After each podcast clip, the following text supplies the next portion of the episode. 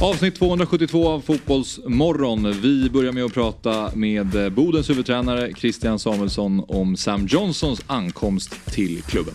Mm, Bodens kantona kan man ju tillägga där. Bra, tack för tillägget. Och så har vi disco från eh, Sundsvall med alla silvernyheter direkt från Vedbon. Väldigt bra, bra content. Och sen eh, ringer vi och hör på det här. Magnus Wikman, assisterande förbundskapten för damlandslaget. Vi tar tempen inför morgondagens kvartsfinal mot Japan. Ja. Och vi pratar med William Dahlström som är nyspelare för Örgryte och han berättar om när han avgjorde första matchen mot Helsingborg. Eh, Det var det. Det var lite luddigt snack om Luigi Ferraris och nere i Genoa men annars ett bra avsnitt. Verkligen. Tune in! Fotbollsmorgon presenteras i samarbete med Stryktipset. En lördagsklassiker sedan 1934. Carlsberg, alcohol free. What's your game day ritual?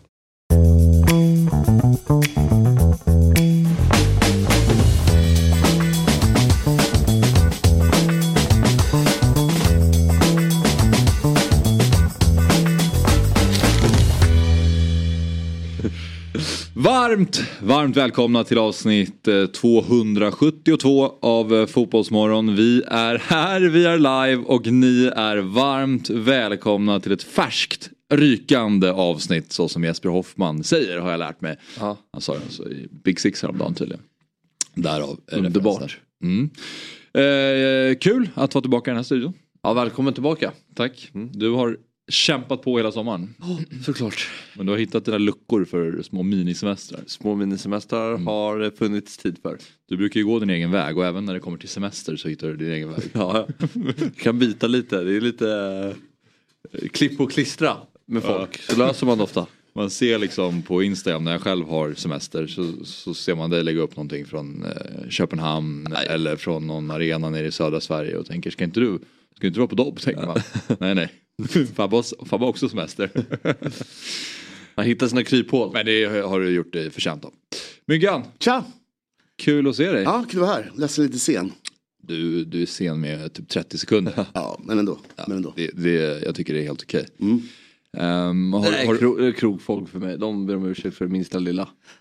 ah, Eller hur? Ja, intressant iakttagelse. Jag tänkte att det är så. Ja, men över, eh, säg förlåt ja. Ja. ja. Det är lite dumt. Det kan jag håller du med om att det är så i krogbranschen? Jag tycker att krogmänniskor generellt, man säger mycket dumt. Alltså det är mycket eh, idioti. Ja. Liksom, och här har vi, börjar ju ofta servitörer med.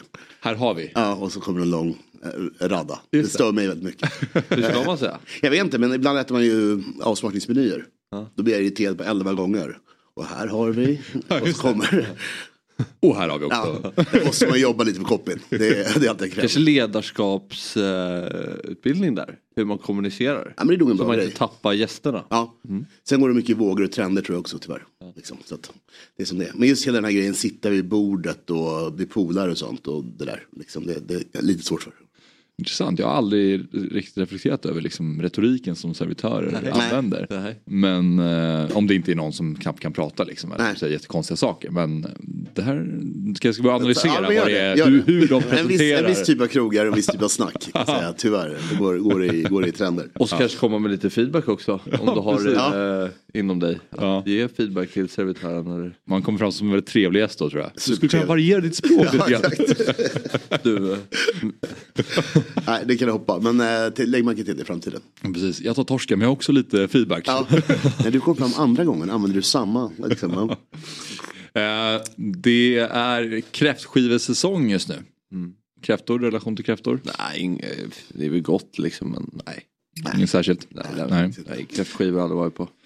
Det har ju till att... Aldrig varit på. Nej, jag tror inte det. Det är sant. Nej. Nej, Det är något. då måste vi ju ta det till en kräftskiva. Ja. Ja, om du vill. Styr Men det, en- formatet är ju kul. Fast när jag var yngre kanske. Men då senare dagar. Då förstår jag din reaktion till kräftor, att du inte känner Nej, någon, precis. någon extas. För att eh, man förknippar det lite med fest liksom. Ja, och det är ju kul. Ja, men Ja. Kräftorna är är ju vad det är. Det är Ja. men, men, men kräftskivor är ju kul sätt att hänga med polare. Och Skråla. Det är därför jag säger vi ska dra upp det här på Dobb. Alla bjuder Precis in alla där ute. Fabbes, första kräftskiva. Det är, ett, eh, det är ett härligt event på Facebook. Fabbes första kräftskiva. eh, nej men det ska vi lösa. Men det hör ju till att sjunga snapsvisor eh, på en kräftskiva. Någon favorit? Eh, nej. Nej. Ja, jag har jag ska komma någonstans Ja. här. Ni förstår att inte bara ställer på en massa dumma frågor. Eh, för då är det ju så att det finns en som eh, är Hur sjönk Vasaskeppet botten upp? Ja, snabb visa, men den, ja, det, är i alla fall, det går ju fort. Och då, av en slump, så råkar det faktiskt vara 395 år sedan den snapsvisan kunde börja sjungas. För det var just den 10 augusti 1628 som skeppet sjönk i Stockholms inlopp. Ja, snyggt. Har vi Svaga, det. svaga simmare på skeppet. alltså det, det känns, eh, ja det var mina tankar. Att det är svaga, Simmare Ja. som var på skeppet. att de inte pallade. Ja. Stockholms inlopp. Ja, du, ja, du tänker så. Det är Ja. inte superlångt. De skulle kunna faktiskt gnugga sig i land. Skulle man kunna Ja, tycka. Alltså. ja, just det. Ja, nej men så att eh, det var därför vi började prata kraft och därför jag skulle komma till att eh, Vasaskeppet sjönk den 10 augusti 1628. Men eh, nu till fotboll och någonting viktigare. Du var på match igår. Du spelade inte för du var tränare. Du var ju tränare för Stocksund division 6. Och eh, berätta om matchen. Nej, vi förlorade med 3-2. Mm. Och eh, det, är ett, det är tufft. Det var skönt att vara igång igen men eh, det gör faktiskt lite ont. Jag var väldigt besviken efter matchen i år. Hur gick eh, poäng, alltså hur, hur, ställningen? Ja, vi ledde med 1-0. Sen, eh, och då känns det som att eh, vi har jättemånga, vi har ett bollskickligt lag. Så vi ligger lite lägre och vill vinna bollen för att ställa om på dem. Vi har väl något läge 2-0. Gör vi 2-0 då känns det som att det kan skjuta 6-0. Istället ger vi dem lite för mycket energi. Vi gör några, tar några felbeslut så det blir eh, matchen står liksom och ja, jag ska inte säga väger lite men det blir lite deras fördel. Och så får de straff 1-1 sen gör de 2-1 ett jättesnyggt mål. Paus. Vi kommer ut bra i andra halvlek. Skapar mycket lägen. Gör 2-2 straff. Ooh. Och då känns det som, då är det kvart kvar. Det här kommer vi nog lösa. Vi har mer energi än dem, vi skapar mycket. De går lite på knäna. Så då hade du ändå känslan att det här, nu tar vi tre poäng. här. Ja, och sen gör vi ett, ett, ett misstag som leder till eh, 3-2 kort därefter. Och sen Oh. lyckas vi inte kvittera och, och eh, studsa tillbaka för det. Så nej, det är surt. Det är väldigt tufft faktiskt. Det Ja. var en tung gårdagskväll. Förstår det. Eh, var ligger ni i tabellen nu? Ja, jag tror fortfarande vi ligger fyra trots att vi har två segrar på nio matcher. Det är overkligt. Nej, eller? jag vet inte, jag har, inte, jag har faktiskt inte tittat på tabellen i år. Men jag vet inte, jag tror inte, inte att det var så många andra matcher som spelades igår. Det var väl lite av en smygstart i, i serien. Eh, men Er eh, eh, sedan systerklubb eller den andra Suxungklubben? nej, nej. Nej men den ligger väldigt dåligt till. Ja, de De ligger ligger sist i, ja, Ja. de har haft det tufft. Men jag tror faktiskt att de kommer lösa det för att det, min erfarenhet av ettan är att de här unga lagen brukar gå, göra starka höster.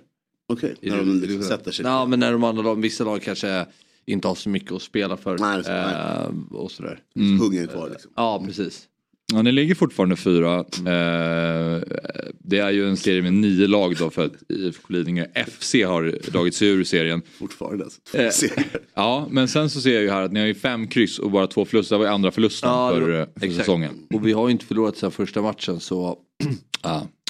Så det var, och ja, i de flesta matcher tycker jag att vi har varit bättre. Så att Mm. de, de där fem kryssen borde omvandlas till någon seger kan jag tycka. Men, eh, men det är att- så, det är, det är, vi är bra mellan straffområdena men i straffområdena matchen avgör så där är vi inte tillräckligt vassa. Snyggt. Enkelt summerat. Du, mm. du har tränarretoriken. Hur många går det. upp? Är det två lag? Ja, ett men det kan vara två. Ja, Det beror det är på hur det grupper. Ja. Och vad eh, var målsättningen inför säsongen? Nej, Var det att gå upp? Ja, alltså mer försöker vinna varje match. Nej men. Bra Det fattar jag att ni försöker göra. Jo, jo, jag. Det tror jag är underförstått. Ja men eh, vi pratar målsättning är, eh, det är inte, det är all, jag har aldrig gillat det, kommer aldrig gilla det. För Nej, Det okej. kan hända så mycket under en säsong.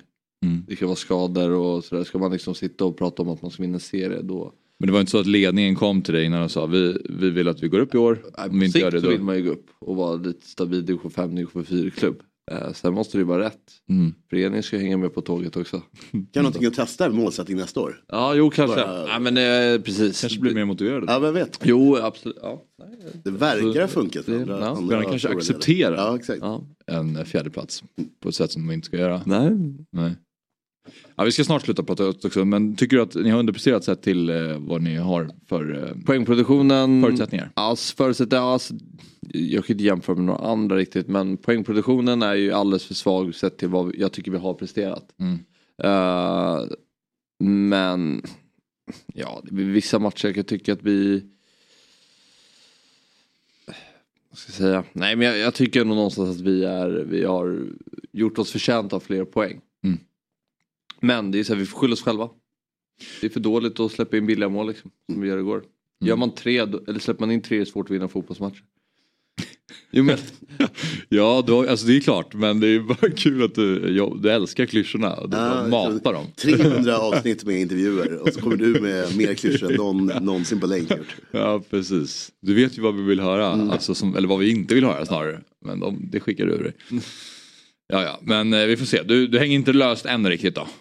Nej, det tror jag inte. Nej. Men det är klart, du måste börja vinna fotbollsmatcher. Ja, det är klart. Det är ingen, det är ingen processbransch här. Det är ett tufft intervjuobjekt alltså. Ja, Ja, verkligen. Myggan, skulle du vilja se en match med Stocksund? Eller? men jättegärna. Ja. Jag tycker det är dags. Eh, hur mycket är det kvar? Det kan inte vara så mycket kvar heller. Sju matcher va? Ja, men det tycker jag vi ska hinna med en, en Ja, match. ja, det tycker jag. Ni är varmt, ni är varmt välkomna. Kanske de får en stor match. De får Ja, en serieledare eller någonting. Precis. Mm. Precis. Ja. Ja, Mot serieledarna, Dynamo Täby kanske? Ja, precis. De är ju, det är en sån här match jag tycker vi borde vunnit där vi var bättre. Men ja, nej. Det är så. Vi det så får, det- Mm. Du och jag Myggan, vi får åka och kolla och så får vi uh, köra en kräftskiva efter matchen helt enkelt. Precis så. Ja, precis. Fabbe. Vi kan göra det där på, på anläggningen. Eller någonting. Ja, det behöver vi inte kanske göra. Men, Både jag och eller så gör vi Ja. på något annat. Men Det snack. vi genomför det. Ja. Eh, födelsedagar. Roy Keane fyller 52. Kylie Jenner fyller 26. Då står det så här, vet du vem det är Fabbe? Någon musiker? Ingen, an, ingen aning. Men du, du har hört namnet nästa gång? Ja, jag känner igen det. Ja. Låter ju, nej, jag tycker, nej, i och för sig. Jag tänker, tänker att du borde ha hört namnet men kanske inte vem det är. Det är väl svårt att veta. Eh, borde jag verkligen veta det här eller? Det känns Jag skulle lite alltså, i din generation Ja. så skulle jag säga att mm, det borde du. Men sen är det nog svårt att pinpointa vad hon gör. Så det kan jag förstå. att- Samtidigt så är det ju inte, du, du ska ju, det är ju lite cred att du inte heller, att du Ja. inte vet också. Eh, Det är ingen musiker eller? Nej, det är ju en av alla Kardashians. Jaha, okej. Mm. Syrra eller? Ja, Liksom Bruce, vet du, Bruce Jenner. Det är ju ledtrådar. Ah, just det, okej. Mm, eller- precis, precis, du kan ju- hon. Ja, det hade jag kunnat. Ja. skulle kunna plocka upp Jenner där. Ja, Jenner kanske. Bra. Men det tänkte, så långt tänkte jag inte. Nej, jag förstår det. det är okej. Antonio Banderas fyller 63. Det vet jag däremot om det. Ja, Det är väl... eh, det är väl Zorro? ja det är Ja, det. Ja, absolut. Ja. Mm. Bra. Där är du med. Jag är fall. Ja, så det var kanske inte de hetaste födelsedagarna eh, den här morgonen. Roy Keane. Vad tycker Myggan om Roy Keane? ja, nej men ingenting. Nej. Verkar ju väldigt osoft alltså. Jag kommer ihåg den här, eh, han var tränare åt uh, Tobias Hysén. Ja, I Just ja, i någon offside-artikel. Mm. Han verkar rätt osoft också. Så Mm. eh, men eh, ja, noll feeling från honom. Men vä- vänta, du håller på Liverpool? Mm. Ja, så, så då gillar du kanske inte Roy Keane? nej. Men ja, det är nog inte det. Han är rätt, Nej. han är rätt svårgillad tror jag även, eller hur? Han är en sur, sur gubbe. Ja. Men nu är han ju en charmoffensiv med Michael Richards där. De kör, de kör ju någon Ja. sur och glad gubbe ihop och blir bästa polare. Men tycker du är den bästa tv-experten bland de gamla fotbollsspelarna i i England? Uh. Owen. Nej, han är så jäkla svag alltså. Ruskigt svag. Eh, nej men alltså, då är det väl Gary Lineker då, alltså bara Ja. för eh, programledarskillsen. Ja. Han är ju jäkligt mysig liksom. ja. Eh, Och sen- känns som en bra person. Liksom. Ja, men sen de här Sky-gängen finns ju lite olika, alltså, She- alltså det finns ju de här, typ Carragher de i A-laget så går det neråt, neråt, neråt. Så att jag vet inte vem som är bästa kanske. Thierry Henry kan ju ha, han har ju haft några analyser som har blivit lite virala. Mm. Eh, Det var i synnerhet någon där när han Haaland. pratade om Haaland. Mm. Som fick en enorm spridning. När han eh, pratade om hur de använde honom. Och, Men med Han tanke på, fel väl? ja men det var lite det jag var inne på att så här, målen kommer de ha. De gör, de gör jättemycket mål ändå City. Mm. Och så var det så här, men de måste utnyttja det här och det här. Det var väl efter matchen mot Tottenham borta tror jag. Som tycker Henri, jag har lite svårt för Henri. Jag tycker han efter karriären har blivit lite, han känns lite fjäskig. Alltså han ska vara med i typ alla dokumentärer om alla fotbollsspelare, alltså, Mm. och, och bara fjäska. Ja, det, ja, det, jag upplever också att han gillar att synas. Han Ja. sitter där väldigt passionerat i många synkar. Så Om man ser en fotbollsdokumentär så, så sitter han där och, och berättar. Sen så gör han det på ett bra sätt. Ja, och jo, man det har ju respekt alltså, för honom för ja. att han är så jävla, var så jävla bra. Men ja, Men har du sett Rooney-dokumentären? nej. Den är, den är bra. Mm. Men då dyker han upp där såklart. Ja. Med åsikter. Med åsikter. Ja. Och att Rooney är typ den bästa spelaren. Ja, nej men det är svårt, svårt men uh, Graham Souness, uh, han slutade i år. Han var jäkligt bra Okej. jag och så här, lite gubbig på ett roligt sätt. Liksom. Ah. Ja, okej. Eh, och det är jävligt kul genom den 7-0 matchen. Så säger han ju att han tror Liverpool vinner stort idag. Det är när Neville och eh, Roy Keane står och garvar och hånar honom. innan. Okej. Det är väldigt kul. kan säga. Uff, vad fint att ha den. Ja, sen och bara... sen efter har han en timme han Look at you now. Ja, det är väldigt Det är, Jag är glad över. Green Souness är väl flaggan? Galatasaray. Ja, exakt. exakt. Mm. Flagga, bra. Flagg. Flagga. Men han, det förvånar mig lite att han skulle vara en bra rolig expert. Känns som men- att han är lite, han är väldigt hånad Liverpool-tränare va? Ja, ja, ja, jättedålig. Superdålig. Eh, kom liksom efter storhetstiden och bara förstörde allting. Omklädningsrum och eh, körde hem Glenn Hysén och allt möjligt. Ja, okej. Ingen höjdare alls. Nej, okej. Men han hade koll på Han har koll på grejerna. slakten på. Anfield. Ja. Vi går vidare istället och eh, då ska vi prata med dagens första gäst. Och vi har med oss eh, Norrbottens Cantona. I alla fall om man ska gå på mejladressen som lyder c-cantona71. Och då pratar jag alltså om Bodens BKFFs tränare Christian Samuelsson eh, som i måndags fick se Sam Johnson göra sin första träning för klubben. God morgon och eh, välkommen till Fotbollsmorgon eh, Christian. Tack ska ni ha. Tack, tack. Du, eh, bara börja med mejladressen. Var Cantona en, en, är det en fotbollshjälte för dig eller varför, varför ser den ut så? Ja, faktiskt. Det, det har alltid varit min favoritspelare. Jag håller ju på Manchester United och den där adressen fixade jag då för typ 40 år sedan. Så att, eh, Den är kvar. någon, eh, typ när Hotmail kom ungefär. Nej, men jag har alltid gillat honom och, United är mitt lag så att eh, där, så är det. Vad var det som gjorde att, det var, att han blev din spelare? Nej, men det var ju en, en lirare på alla sätt och vis och en personlighet och, och ja, ni vet ju alla vad han höll på med. Men det var ju alltid, det var en spelare som alltid var bäst när det gällde också. Ja. Så Du- att, ja, jag gillar han skarpt. ja. Eh, du gillar ju inte Roy Keane men kunde du Ja, men Cantona måste man ändå, ja verkligen. Trots att du är verkligen, ja. Liverpool-supporter. Härliga Leeds-perioden. Ja. Nej, då. Nej, men Cantona var ju en härlig person. Eh, läskigt vid dörren bakom. Gick det bra? Kom det någon? eller? Det är faktiskt min hund som kom in och la sig Ah, på golvet. snyggt. Mysigt, mysigt. Jag vet inte var han la sig. Det är en, gammal farbror. Han är 13 år gammal så han gör som han vill. Ja, det är helt rätt. Jag noterade inte ens att den öppnades. Ja okej men eh, Christian. Eh, I Boden då, ni ligger eh, tredje sist i ettan norra just nu. Förstärkt anfallet inför slutspurten här då, med eh, den tidigare DIF-anfallaren Sam Johnson. Berätta lite mer om hur eh, det kommer sig att Sam nu eh, spelar för er. Nej, men det är ju lite som du är inne på. Vi, vi ligger ju i botten här och det är ju såklart väntat också. Vi är ju nykomlingar, men, men vi har ju haft lite problem med att göra mål. Vi har spelat ganska bra faktiskt och skapat mycket chanser, men har haft problem med målskyttet och så dök den här chansen upp. Vi har två spelare från, från hans agentur så att eh, frågade om vi var intresserade och, och på den vägen var det. Och, Ja, men vi hoppas ju att han ska kunna hjälpa oss med sin erfarenhet eh, och kunnande här i höst. Jag menar, det är ju en klassspelare. Sen måste vi försöka få igång honom nu, för att han är ju inte 100% såklart. Men han är ju bara 30 år, så att eh, det finns mycket kvar i honom. Nu har han ju bara hunnit träna två gånger, men vi får se här. Jag, jag, jag hoppas och tror han kan hjälpa oss såklart. Hur har han sett ut under första träningarna? Nej, men alltså, han kom dagen efter match. Vi spelade i söndags där. Då kom han dagen efter så var det ganska lätt träning. Igår eh, körde vi på det ordentligt och, och såg det bra ut. Men jag pratade med han själv och han sa väl att han kanske trodde han ligger runt 80-85 procent nu. Så att han har ju hållit igång och tränat, men det är ju skillnad på att träna och spela matcher. Så att man kanske inte ska förvänta sig någon stordåd här första matcherna. Men, men som sagt, 14 matcher kvar och det skulle förvåna mig om inte han kan hjälpa oss. Vad har han gjort efter, för han var i Mjällby va? Och sen har, inte jag i alla fall någon koll på vad han har varit efter det. Jag tror han var i typ Kazakstan eller något sånt Ja, ja. där. Men så bröt han det kontraktet för att han hade...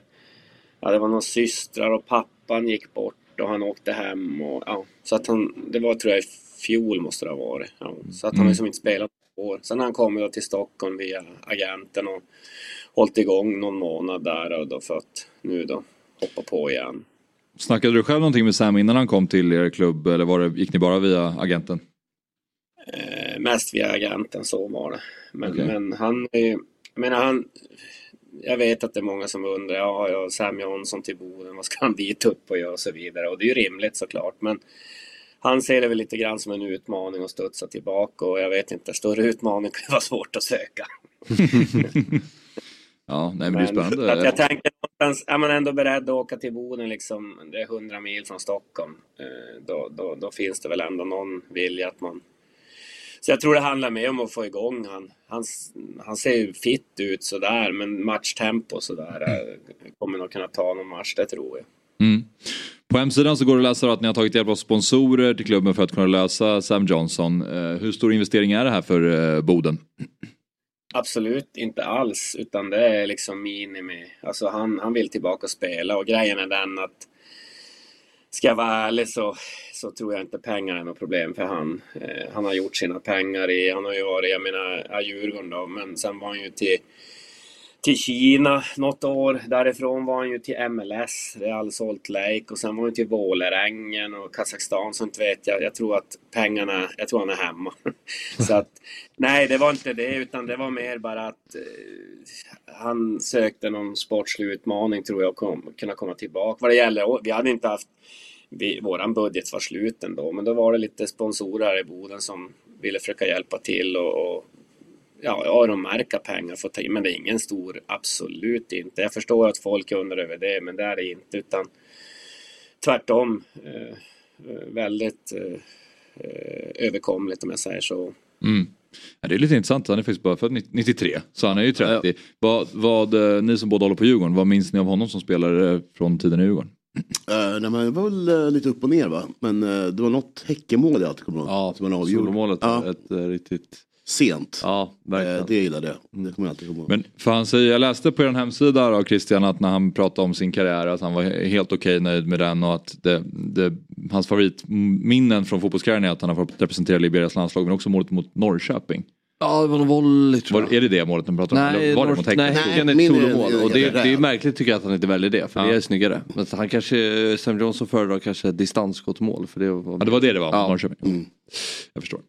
Ja men eh, Christian, hur, eh, hur ska ni göra nu då för att eh, Sam ska trivas i Boden? Ja, men hur kan man inte trivas i Boden? det tror jag inte blir något problem. Det är ju ett proffs och han har ju varit runt så att det, det tror jag inte är något problem utan Eh, verkar vara en jäkligt bra kille också. Väldigt eh, lätt att ha att göra med. Ödmjuk och glad. Går omkring och skrattar mest hela tiden. Så att det tror jag inte blir något problem. Utan det handlar bara om att få igång honom till ordentligt rent fysiskt skulle jag tro. För att jag är ganska säker på att nu kommer han kunna leverera om vi bara får igång honom sådär. Det, det tror jag. Han har spelat på högsta nivå i flera länder och har levererat i alla länder genom, genom åren. Så att eh, nog tror det, det, finns, det finns bra chanser att han kan studsa tillbaka, det tror jag. Ja. När räknar du med att han finns med i er startelva? Alltså, det kan ju bli. Vi har bortamatch, derby mot Umeå FC på söndag och vad jag fattar så ska han vara spelklar på lördag, sa de på kansliet. Så att det kan bli redan i helgen. Vi, vi får se. Vi har ju kvar här äh, torsdag, fredag, lördag och träna. Vi har ju tre träningar kvar innan det är dags. Så att vi får se. Jag, jag, jag håller det öppet. Vi får se hur det ser ut på träningen. Hur stor bomb var det liksom bland konkurrenterna när ni landade Sam Johnson?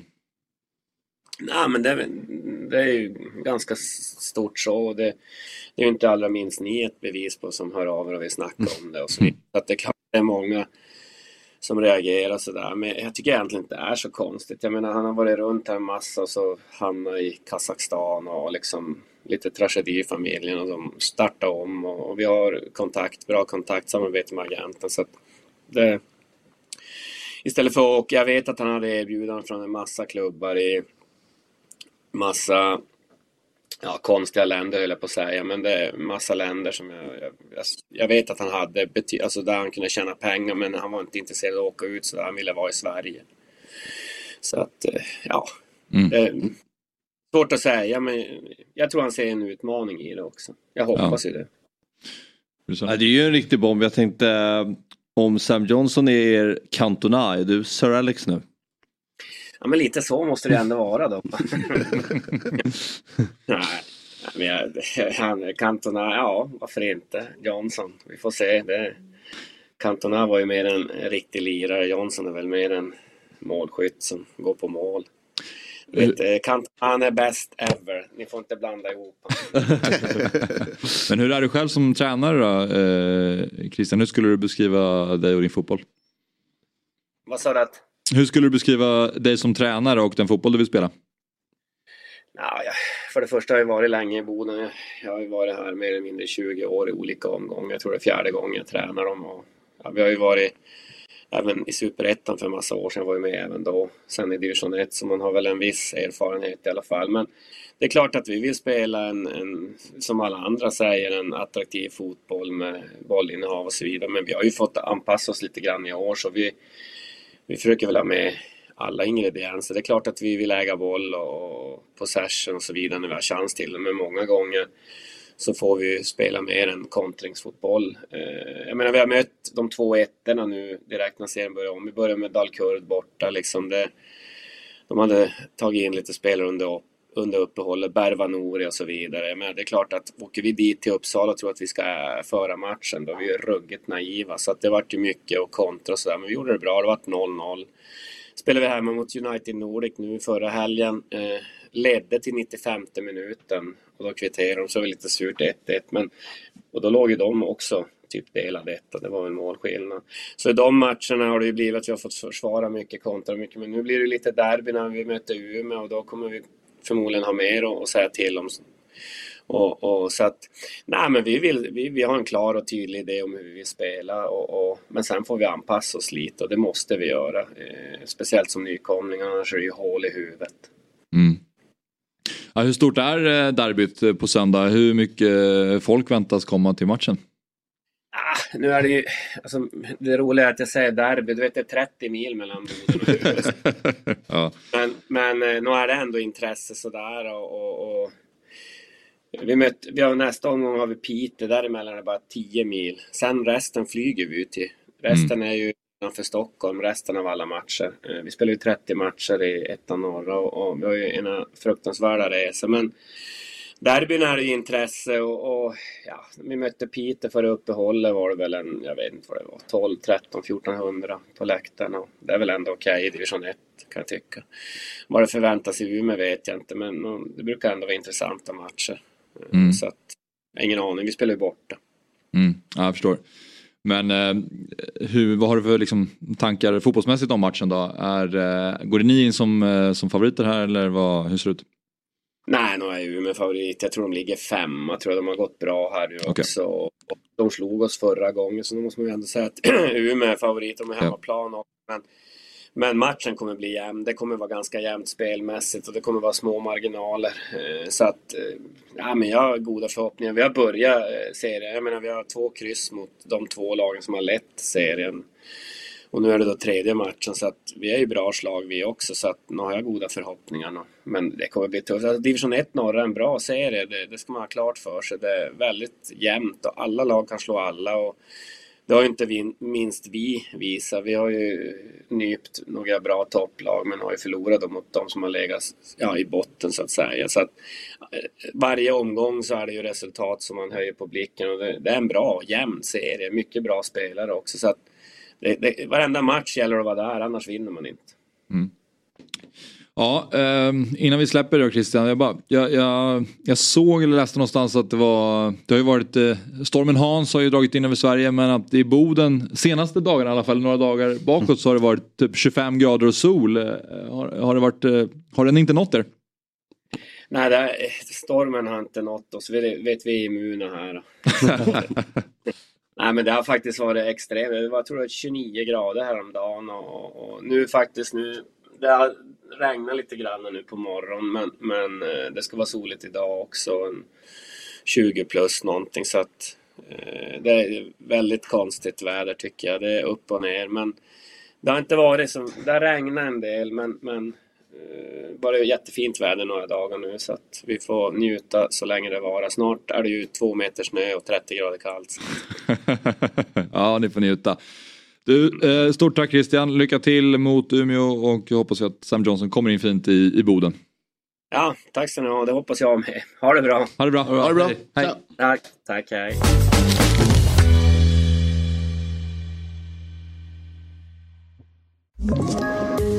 Poddtips från Podplay. I podden Något Kaiko garanterar östgötarna Brutti och jag, Davva, dig en stor dos skratt. Där följer jag pladask för köttätandet igen. Man är lite som en jävla vampyr. Man har fått lite blodsmak och då måste man ha mer. Udda spaningar, fängslande anekdoter och en och annan arg rant. Jag måste ha mitt kaffe på morgonen för annars är jag ingen trevlig människa. Då är du ingen trevlig människa, punkt. Något Kaiko, hör du på Podplay. Därför är gardinerna. Ja, Ruskigt skön. ja verkligen. Det kanske är det som eh, nästa resereportage för dig Fabbe, att åka och besöka en, ett Norrlands eller ett Norrbottenderby. Absolut. Det, Den där resorna verkar ju tuff alltså. Ja, Flyga till allting. Ja, det är väldigt många. Stockholmslag i år. Dyrt. ja, och som sagt det är 100 mil mellan Boden och Stockholm. Ja. Ja. Och det är ju ett par lag.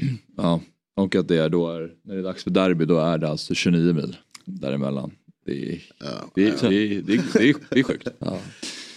Men eh, så ser det ut i alla fall. Eh, det var kul att prata med, med Christian. Nu går vi vidare och, och nu ska vi prata eh, med eh, Daniel Kristoffersson eh, Kristoffersson. För att eh, vi befinner oss just nu i den mest spännande perioden av säsongen efter själva avgörandet av serien. Då. Vi snackar givetvis om det svenska sommarfönstret silly season.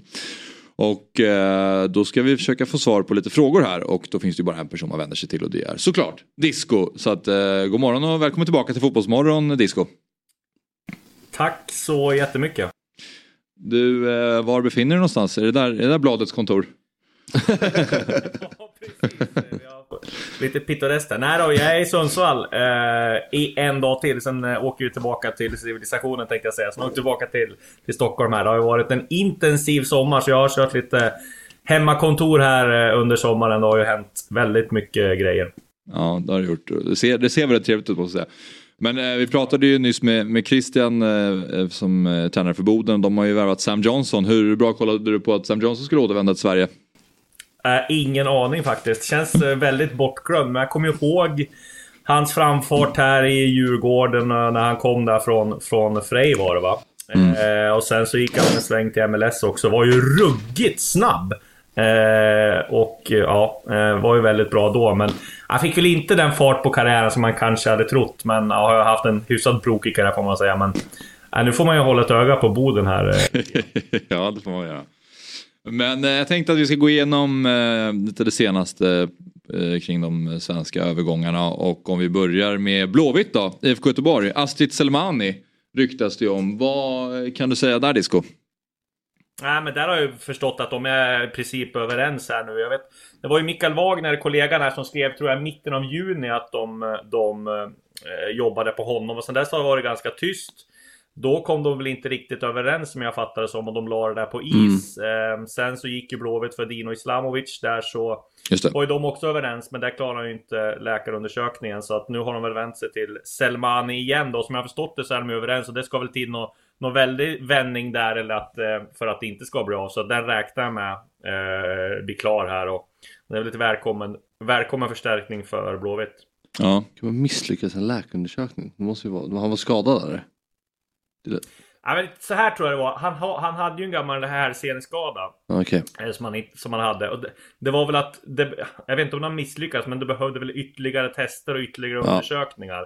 Och men den, den skulle ta tid. Blåvitt hade inte tid med det och liksom då valde man att gå vidare med, med andra alternativ. Okej. förstår. Mm. Vad tror du om uh, Selmani till Blåvitt? Eh, ja, nej det är ju... Men det är väl bra för vad de kan få. Så det är väl rimligt. Mm. Alltså, måste ju vara positivt. Ja, nej, men det känns som att man kan riva där. Alltså, Göteborg spelar ju mycket med energi och det kan nog vara bra spelare. Det är ju en energiknippe. Ja. Eh, så uh, jag vet inte. Det, Vad han tror- fick ju ändå spela lite i Midtjylland ändå. Eh, Vad tror du Disco? Svårt att säga. Han har inte spelat på länge. Han var ju skadad en del i Midtjylland också. Jag vill, jag vill, ja, han har väl hållit igång med träning och sådär. Men Blåvitt behöver någon som kommer in och levererar snabbt. Så att det är väl klart att det är väl ingen, ingen supergaranti för, för att det ska bli mål. Men jag menar, kommer Selmani upp i normal standard och där han kan visa det han visade att han kan i, Hammarby vissa perioder så är det klart att det är en förstärkning. Och sen är det ju så här att Blåvitt kan väl inte kolla på den absolut översta hyllan heller. Att man kan vänta sig att man får in någon en superförstärkning. Så att Selmani tror jag blir det. Det kan nog bli bra där, tror jag också. ja, de, Hans djupledslöpningar och riv och slit. ja, de var i satsningssituationer och behöver chansa liksom. Mm. Det är en chans inte de har rätt bra koll på. Mm. Mm. Om vi blickar mot AIK då, Elias Durmas lånas ut till eh, Sundsvall och eh, Robin Tihi ryktas till eh, Al-Ali i Qatar. Eh, hur nära är det att Robin Tihi lämnar AIK Disco? Nej, väldigt nära. Eh, jag skrev ju det här igår då att han är på väg till Al-Ali. Det är ju flera klubbar där i Qatar och Persiska viken som har varit intresserade. Men Al-Ali som är närmast. Vi ska inte blanda ihop eh, Al-Ali med Al-Ali Saudi FC. Nej. Eh, de värvade precis Roberto Firmino, Eduard Mendy eh, och Frank Kessi. Så att det är inte, inte samma klubb där. Men, men Tihi kan ju tjäna rejäla pengar och AIK kommer ju få eh, över 20 miljoner. Så att det är klart att AIK har väl helst inte velat sälja 10 då, men får man så mycket pengar för en mittback som just nu får vi säga är tredje valet då i AIK bakom Sotte och Milosevic. Där Viet Miraliti har väl fått någon form av nytändning. Så att det är klart att eh, det är väl ett...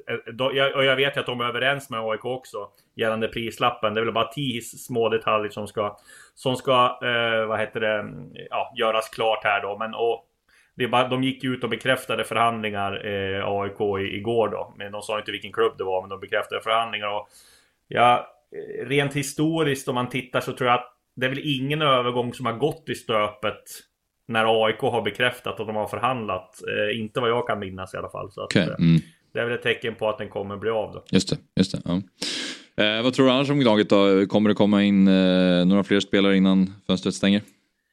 Ja, det tror jag väl. De har väl kollat på, på en del mittbackar nu de, i ett fall Tihi lämnar och eh, de har väl ändå liksom tentaklerna ute för, för, för en ytter. Eh, där handlar det ju mycket om, ja, får de in de här pengarna då för 10 så kan de ju förstärka och det är ju tre veckor kvar. Men jag tror att de stora värvningarna, de stora namnen, där är AIK ganska klara. Mm. Jag tror att man kommer kanske titta på om man får någon öppning för någon som kan komma här i slutet av fönstret. Då, då kan man gå för om man ser att det är rätt. Men annars kommer det hända en del ut också. Jag menar sån som Eh, Dabo till exempel kommer säkert lånas ut. Eh, det är flera spelare som också som kommer gå på lån. Men Magashi är väl inte nöjd med att inte vara med i truppen. Så det är klart att där kommer du titta på, på lösningar också. De har ju väldigt många spelare i truppen då. Så att eh, det kommer nog hända eh, en del i AIK framöver skulle jag gissa på. Mm. Sitter ju här bredvid två djurgårdar också. Ni är säkert nyfikna på vad som händer i, i er klubb eh, Disco. Vad, eh, vad tror du kommer hända i Djurgården? Vad, vad pysslar Bosse med? Men där tror jag mer nu när de missade Europa här så tror jag mer att titta på alltså hur kan man banta truppen. Nu, det är ju klart inte en optimal situation med Mange där man har honom som någon form av fjärde eller femte var på, på mittfältet. Och det är väl därför som det inte just nu är aktuellt att ta in Albin Ekdal heller med tanke på att skulle man ta in honom så får man ytterligare en central mittfältare när man inte har sålt Hampus Vindell. och jag menar, då skulle Mange Eriksson puttas ut ännu längre. Eh, så att nej, eh, jag tror mer att det handlar om att kanske hitta eh, att Hampus Lindell får det här äventyret i utlandet som, som, som man vill ha. Jola Soro har väl inte heller gjort någon hemlighet av, av att han vill utomlands. Men där var det ju liksom inte aktuellt att gå till Turkiet eller Risespår som jag fattade som. så att Eh, det är klart att de har ju en väldigt bred trupp. Eh, jag menar kolla på Pierre Bengtsson till exempel. Nu är han skadad men de har ju väldigt många eh, vänsterbackar och det... Nej, jag tror mer att det kan handla om att det blir någon försäljning där än att det kommer in något prestigevärvning. Eh, gjorde jag med en del pengar på Gurban Lee och Va också så att... Mm. Eh, men det är ju som sagt, Bosse brukar ju alltid ha något eh, S i rockärmen i slutet av fönstret. Eh, så att man ska aldrig säga aldrig med Djurgården, men just som det är nu så tror jag inte blir någon, man kan vänta några större värvningar. Nej. Eh, vad tror du att prislappen på Lukas Bergvall eh, landar på? Och går han nu? Ja, det beror ju på här. Jag tror, alltså, allt som jag eh, liksom pratade alla som jag pratade med liksom, för några veckor sedan sa att han kommer stanna. Han har ingen brådska från Djurgården. Eh, nu missade de Europa, men jag tror så här att eh, Djurgården vill göra en satsning nu på liksom att komma eh, topp tre. Eh, man tror ändå det är realistiskt. Man vill behålla honom. Sen om han får spela, eh, gå klart skolan och sen kanske få spela lite i Europa mer eh, nästa säsong och gå eh, nästa sommar då om ett år. Då tror jag han kan bli värd ännu mer om han har fått liksom göra ett jättegenombrott i Allsvenskan. Nu har han gjort det bra i Allsvenskan, inget snack om det. Men det är liksom inget sånt här dundergenombrott som han har fått. Han har ju varit fantastisk i några matcher. Men, och jag menar alla de här klubbarna som det har ryktats om har ju stenkoll på honom också. Så att det är klart att mm. eh, jag gissar på att det finns bud på honom. Eh, där Djurgården skulle kunna sälja för 50 miljoner eller något sånt där. Men jag tror att har man Lukas Bergvall och om jag känner Bosse Andersson rätt så ville väl han också försöka slå någon form av transferrekord där också. så att eh, eh, jag tror man har is i magen där om det inte kommer något eh, superbud här i sommar. Mm. I Malmö då, eh, Patriot Seidio eh, gick ju och lånades ut precis nyss till Nackbreda och det finns lite andra spelare där. Sebastian Anasi gör ju en eh, extremt fin säsong och är ju den mest givna spelaren i Malmö för tillfället. Eh, typ seriens bästa spelare. Ja, går väl att argumentera för det absolut. Vad eh, säger du Disco om Malmö? Nej, men de har ju värvat och satsat väldigt mycket pengar. Men där så hoppas de väl fortfarande att få in en anfallare då. Och där är det ju samma godo som de har haft som prio väldigt länge. Eh, så länge han inte har skrivit på något nytt kontrakt så, så lever väl eh, hoppet för Daniel Andersson. Det är väl det som är fördelen nu också med, med allsvenskan. Att, men, ja, eh, man kan ha lite is i magen här. För skulle man förlora någon spelare nu i slutet så kan man värva och sådär. Det är samma sak med Nanasi där. Att skulle komma in ett superbud på honom. Eh, om någon en vecka så har man kanske ja, en vecka på sig att hitta en ersättare. Och där jobbar ju klubbarna proaktivt då eh, med eh, att man har eh, alternativ eh, om det skulle ske no någonting. Så det är klart att Ghoddos hoppar Malmö på fortfarande. Eh, sen vet jag inte hur realistiskt det är, men så länge han inte gjort klart med en ny klubb så är det klart att då lever drömmen om honom i Malmö. Och eh, Anna Nasirov, jag vet inte heller om det är rätt läge att sticka nu. Eh, där har det ju varit rykten om, om eh, klubbar i Holland som, som har varit och kollat på honom då. Det, ja, men där tror jag faktiskt att de kan få in bud också i sommar. Men det beror på hur de tänker gällande att gå för, för SM-guldet och de har ju inget Europaspel där och det är bara eh, guld som gäller och det känns ju som att Malmö skulle inte de ta guldet så är det ju ett rejält fiasko så att mm. eh, ja, det är lite en avvägning där som Daniel Andersson behöver göra tror jag. Mm, mm. Ja, spännande. Eh, vi eh, ska försöka bocka av några lag till innan vi släpper det disco. Elfsborg eh, som ju leder allsvenskan går hur bra som helst. De har plockat in en ny islänning, Andri Baldursson från Bologna. Um, ja, sen... det är väl inte helt klart med honom. Han är väl där nu tror jag. Okay. Han skulle komma dit i, igår och, och så skulle de göra läkarundersökning och, och det idag var det planerat i alla fall. Eh, allt talar på att han blir klar och presenteras här under dagen eller eller fredagen. Eh, där är det ju en 21-åring som har inte fått det här genombrottet man trodde. Visserligen i Serie A, Bologna är väldigt svår och, och tuff, men var ju, eh, var ju liksom isländsk landslagsman och spår en väldigt lysande framtid. Nu tar man in honom då, om allt går som det ska med läkarundersökning och allt, på lån med köpoption då. Det eh, tror jag är en bra lösning för Elfsborg också. De, de behöver nog Eh, ja, de har ju väldigt många mittfältare men de behöver bredda det där och liksom om man ska vara med, då går ju för guldet nu. Ja. Eh, och där kan det försvinna en del också. Lagerbjälke har ju intresse på sig från Celtic här som Expressen skrev om eh, för ett tag sedan. Och, eh, där gör väl också Stefan Andreasson avvägningen om, ja, ska man sälja nu då måste man få in rejält med pengar eh, för att släppa en mittback. Lagerbjälke har ju, jag läste en intervju med honom i Borås Tidning där, det var inte så här att han Ja, man, man, kände på honom att han vill verkligen gå till Celtic när man läste okay. mellan raderna. Och det förstår man ju med tanke på hans karriär, har gjort en kometkarriär. Det var väl inte, för, inte så länge sedan han spelade i Västerås i, i, i Superettan och, och sådär. Och sen så, ja, Degerfors gjorde de det jättebra. Så det är klart att han vill nog ta chansen och spela i Celtic där man får spela i Europa och allt sånt där. Men ja. där är det också samma sak där. Att jag tror att Ja, det är klart, Elfsborg kommer inte stoppa honom, men det eh, beror på vad, vad man får för övergångssumma. Och det som talar för också att den övergången blir av är ju att eh, Elfsborg har ganska god tid på sig nu att hitta en ersättare. Förr stängde ju fönstret om en vecka typ. Eller eh, nu har man ju ända fram till första september på sig. Så att, ja. det blir spännande att se om det blir av eller inte. Är det några andra Elfsborg-spelare som skulle kunna försvinna? Nej, nu tror jag, jag tror att eh, det ska väl vara om det kommer något exceptionellt på Lagerbjälke då. Eh, annars tror jag att det har ju varit rykten på eh, Gudjonsen, anfallaren där också. Men där tror jag de har sagt att han ska vara kvar i alla fall fram till vinter eller eh, fram till nästa sommar. Så att jag tror det är rätt lugnt. Det finns ju eh, sådär småbud och sådär på, på några spelare där. Men jag tror att eh, Stefan Andreasson har släppt iväg en del spelare också här och sålt. Eh, Ondrejka till exempel. Så jag tror att man håller ganska hårt i den trupp han har nu. Mm, mm. Bayern då, Disco? Vad händer ju... i Hammarby?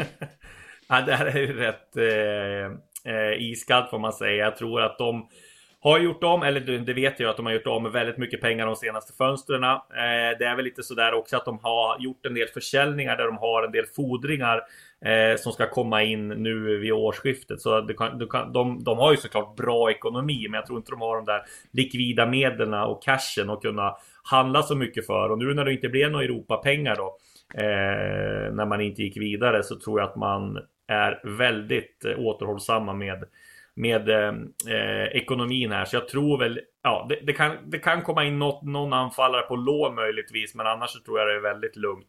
Jag tror däremot också att man behöver göra någon, någon försäljning och där är det ju Edvin Kurtulus då som, som i så fall är Mm. eh, på väg att säljas. Har, jag tror inte de har det konkret nu som mm, tillförordnad sportchef Micke Hjelmberg sa, men jag tror att det har funnits lite klubbar där från Frankrike och eh, från en del andra länder som har varit och nosat på, på Kurtulus. Så att, eh, ja, det är, det är tre, tre veckor kvar på fönstret och ja, om jag får gissa nu så tror jag väl ändå att Kurtulus kommer att säljas. Ehm, jag tror i alla fall att Hammarby eh, skulle behöva, behöva få in lite pengar i alla fall. Så jag tror att om jag får gissa så, så tror jag han säljs. Mm. Jag tänker Rabi, Djukanovic, Karlsson, Rafferty. Hur många kommer spela i Hammarby 2024 tror du? Ja, men det tror jag väl ändå att de kommer göra. Erabi tror jag... Ja, det är klart. Jag tror, han, jag tror närmare att han förlänger än att, än att han Mm. drar, skulle jag vilja säga. Eh, Rafferty är ju en fantastisk spelare och han kom från ingenstans. Eh, där tror jag dock, han förlängde ju nyligen så att där ska ju Hammarby ha rejält med pengar. Det beror ju på här om han öser in mål och är en startspelare så tror jag att det kan komma bud på honom i vinter. Men eh, någon lär väl i alla fall eh, försvinna. Men om jag skulle tippa så är det i så fall eh, Rafferty då som någon... Man kan tänka sig att, de, att vissa klubbar ute, om han, om han fortsätter att och gör det bra vill säga och får spela från start och gör mål. Så tror jag väl att det är vissa klubbar utifrån Europa som kan tänka eh, att man liksom handlar honom på potential som till exempel Ja men Brighton gjorde med Ayari när trippel A gick. Eh, det finns flera andra exempel på unga spelare som, som har dragit. Eh, och då får ju Hammarby rätt rejält med pengar då. Men eh, nej, jag tror inte... Sen tror jag inte han har någon stress heller bort från Hammarby. Han verkar trivas väldigt bra i, i Bayern och det känns som hans karriär där har bara börjat. Liksom. Mm. Har vi bommat någon, någon stor, någon stort rykte sådär disco som vi borde ha frågat dig om? Jag sitter och funderar här på, men nej, det är väl... Eh, vi, tog, vi har väl fått med det mesta va? Mm. Mm. Eh, ska ju sägas att det brukar ju dyka upp en del eh, namn här. är, om, någon, om någon vecka innan, precis innan fönstret stänger så brukar klubbarna få en del erbjudande eh, om en del eh, utländska namn. Så det, blir, det blir spännande att se om vi får någon bomb här i slutet. Det brukar ju alltid komma någon så att eh, nej, visserligen har det varit rätt många stora övergångar och eh, oväntade namn så att ja, vi Mm. får se vad som händer i närmaste veckorna. Blåvitt kanske skulle behöva kika på Hamsik igen. Ja, ja precis. Övertar honom och eh, dra på sig skorna igen. ja, ja, just det. Precis så blir det. Ja, men du Disco, eh, tack för att du var med och eh, kör försiktigt hem till, eh, till Stockholm. Stort tack. Hej. Ha det bra. Han la av va? Ja, jag, ja, det, jag, jag, jag tror det. Han la av. Ja. Och på, på disco lät det onekligen som det. Så Ja. att, eh, ja, det. Det känns som att han har gjort det ja. Men Göteborg har ju hamnat där. Nu måste de bara få in någonting och hoppas på att det blir, blir bra. Alltså, det var väl bra. Alltså, alltså, jag tror. Alltså, ja, jag tror också att det kan var, vara den med energi och så kanske, och, och, och även om man kanske inte kommer bidra med så mycket mål så tror jag att det är en sån energiknippe som Göteborg skulle kunna må bra av. Liksom. Mm. Vet, Få med ett inkast, få med publiken och sådär. Ja, alltså precis. Sen, sen är det ju också så här, det är det som är lite Göteborgs, eh, så har Göteborg alltid tänkt i många, Ja, år, jo, många, ja. många år nu. Ja, Att få med- så länge ja. vi bara eldar på så kommer det lösa sig. Ja. Och de går ut och spelar med ännu mer energi och ännu mer energi och så, så gör de ändå inga mål. Och Nej. det, Selmanis problem var just det i Bayern också. Att Många menade ju att han är för långt ifrån målet för att han skulle springa ut till hörnflaggan Ja, och ja, möta boll för att han vill vara överallt och skulle elda på. Så jag förstår ju vad du menar. På samma sätt, på något sätt så finns det ju som att han kanske är de behöver ju målen. Jo. Snarare än eldandet. Men det, är med- det kan du inte garantera hos någon. Nej, så är det. och framförallt inte ett läge som är så klappkassa som Blåvitt är. Mm. Eh, Så. Men läget de är vad, vad kan de få? Det var perfekt. Ja. Alltså, vem vem Ja. vill gå dit? Ja. Suicide mission liksom. Som har lite allsvensk erfarenhet ändå också. Ja. Och jag menar, eh, han har ju, jag vet inte hur många mål det blev i Bayern, det blev inte jättemånga men han har ju gjort många mål i Varberg. Och, Mm. Han kan göra mål. Ja. Det var mer när han väl gjorde mål i Bayern så gjorde han extremt mycket mål. Känns som. Mycket, något hattrick där och där. Stim liksom. Ja, så kan det nog ha varit. Ja, ehm, Han kom ju aldrig upp på 10 plus. Nej. Det gjorde han aldrig. Under. inte för Hammarby. Nej. Nej. Är det bara en säsong Hammarby? Det blir två? Nej. Hur... Nej, det blir kan du nog bättre bara... än mig. Där kan du bättre mig. Ja, nej jag vet inte. Men eh, vi eh, är nu framme vid den trivsamma punkten i programmet som vi kallar för eh, Myggans mysiga spelkvart tillsammans med Stryktipset. Och eh, ja, Stryktipset med matcher i Premier League igen, Myggan. Ja, äntligen. Ja. Och jackpot och ja, det är mycket, mycket på lördag. En och en halv. Jackpot 13 miljoner. Men en riktig jäkla liksom, eh, klassisk kupong. Mm. Första gången sedan i, i maj eller någonting. Så det är jätteskönt. Ja, med idel engelska matcher. Ja, och vi får ju fem stycken Premier League-matcher eh, premiäromgång. Det är väldigt svårt tippat kan jag tycka. Men, men det, det ska vara det. Så det är bara kul. Så vi, vi tacklar det Ja. ändå. Tråkiga Premier League-matcher då eller? Är det inte? Det är problem med de fyra blockouten att de ligger, eh, alltså Newcastle, eh, Aston Villa går ju sent. Men resten är ju liksom på söndagen och tidig match och fredag och sådär. Tyvärr. Just det. Frid. Ja just det, United spelar måndag kväll. Måndag, ja, eller, Chelsea-Liverpool söndag, Söndag. 17.30 typ och så City börjar på fredag. Ja, säkert bra på lördag lunchmatchen. Så att, eh, nej men det är klass tyvärr. Det är så det kommer funka. Men det här, Man är är också, det här är ju lite så här stryktipsmatcher på något Ja, sätt också. ja, ja, verkligen. Då vill man ju ha Everton Ja. Fulham. 100 procent. Så att det, är, det är bara kul. Det är det. Det är bara Ja, kul. Ja. Men, eh, då får vi gå igenom dem lite grann Myggan. Mm. Eh, be- Berätta. Jag eh, delar upp det lite grann i så här, vi kan ta dem lite, match 6 och, och 9 till att börja med. Birmingham och eh, Ipswich Mm. är, är två lag jag tror på. Birmingham eh, vidare i Carabao Cup också här i veckan. Eh, och eh, sen Bradys, eh, eh, Brady Just det. in. Tom Brady. Ja, så den finns det jäkla optimism liksom. Ja. Kryss borta mot Swansea i premiären eh, och sådär. Så att, nej, men det, ser, det, det ser kul ut. Och Leeds hade tr- trubbel igår att ta sig vidare i Carabao Cup. Så att vi, där är en liten så upset grej. Och sen eh, tycker jag Stoke ser jätte, jättefina ut. Eh, riktigt så. Ett helt nytt Stoke. Men här blir det svårt tror jag. Premiären för Ipswich, de har längtat efter att vara i finrummet. Och hemmapremiären tror jag de kommer att vinna. De stod Sandland borta eh, förra veckan. Eh, men eh, det här tror jag kommer bli, bli, bli en etta. Så det, det är lite, lite, lite chansning, men, men, men rimliga chansningar i 6 och 9. Ja. Jag har lite fråga kring Championship och Stryktipset här. Jag såg lite av den första omgången Mm. och eh, det har ju blivit så nu med när vi såg Burnley i fjol spela en annan typ av fotboll än den liksom traditionsenliga Championship-fotbollen där det är mycket brunk och oförutsägbara matcher. Har vi kommit till en punkt i Championship nu där det är lite mer förutsägbart? Alltså att det finns tydlighet hur lag spelar och det är inte den här klassiska Championship-bollen i samma Ja, utsträckning. men nu är det nog ett övervikt på att det inte är det. Ja. Fler lag än, än inte. Det är nog första året det liksom blivit eh, majoritet.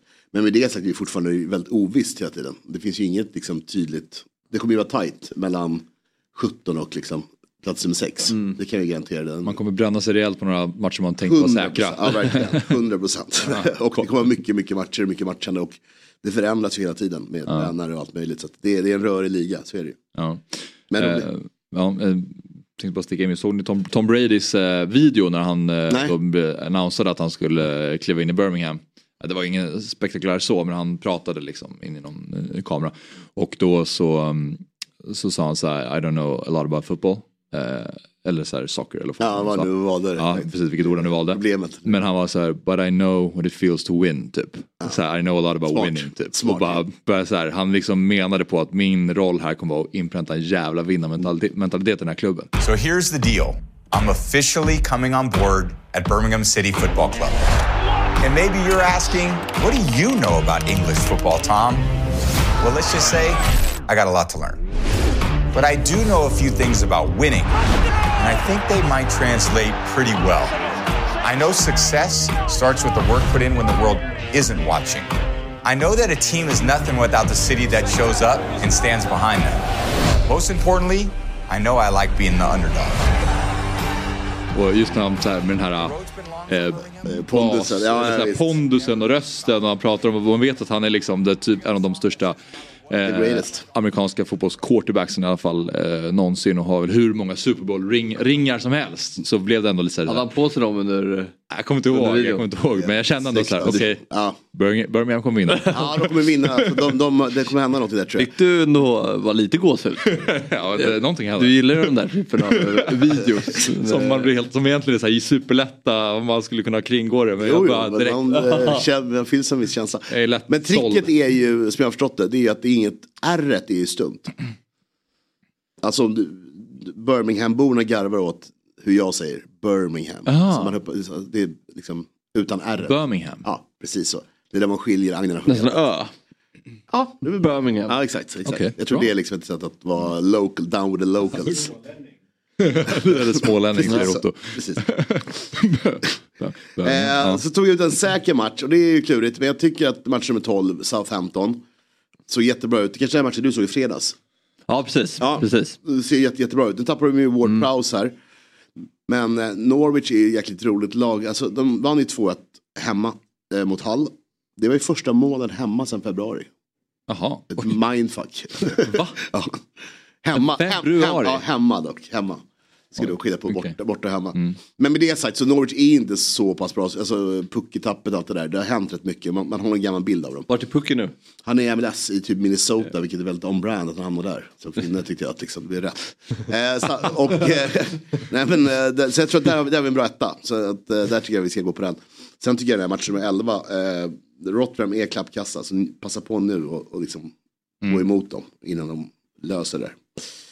Eh, varningsmatchen satte jag upp match nummer tre, eh, Bournemouth West Ham. Och det var ju innan Ward Prowse och Maguire var helt färdiga.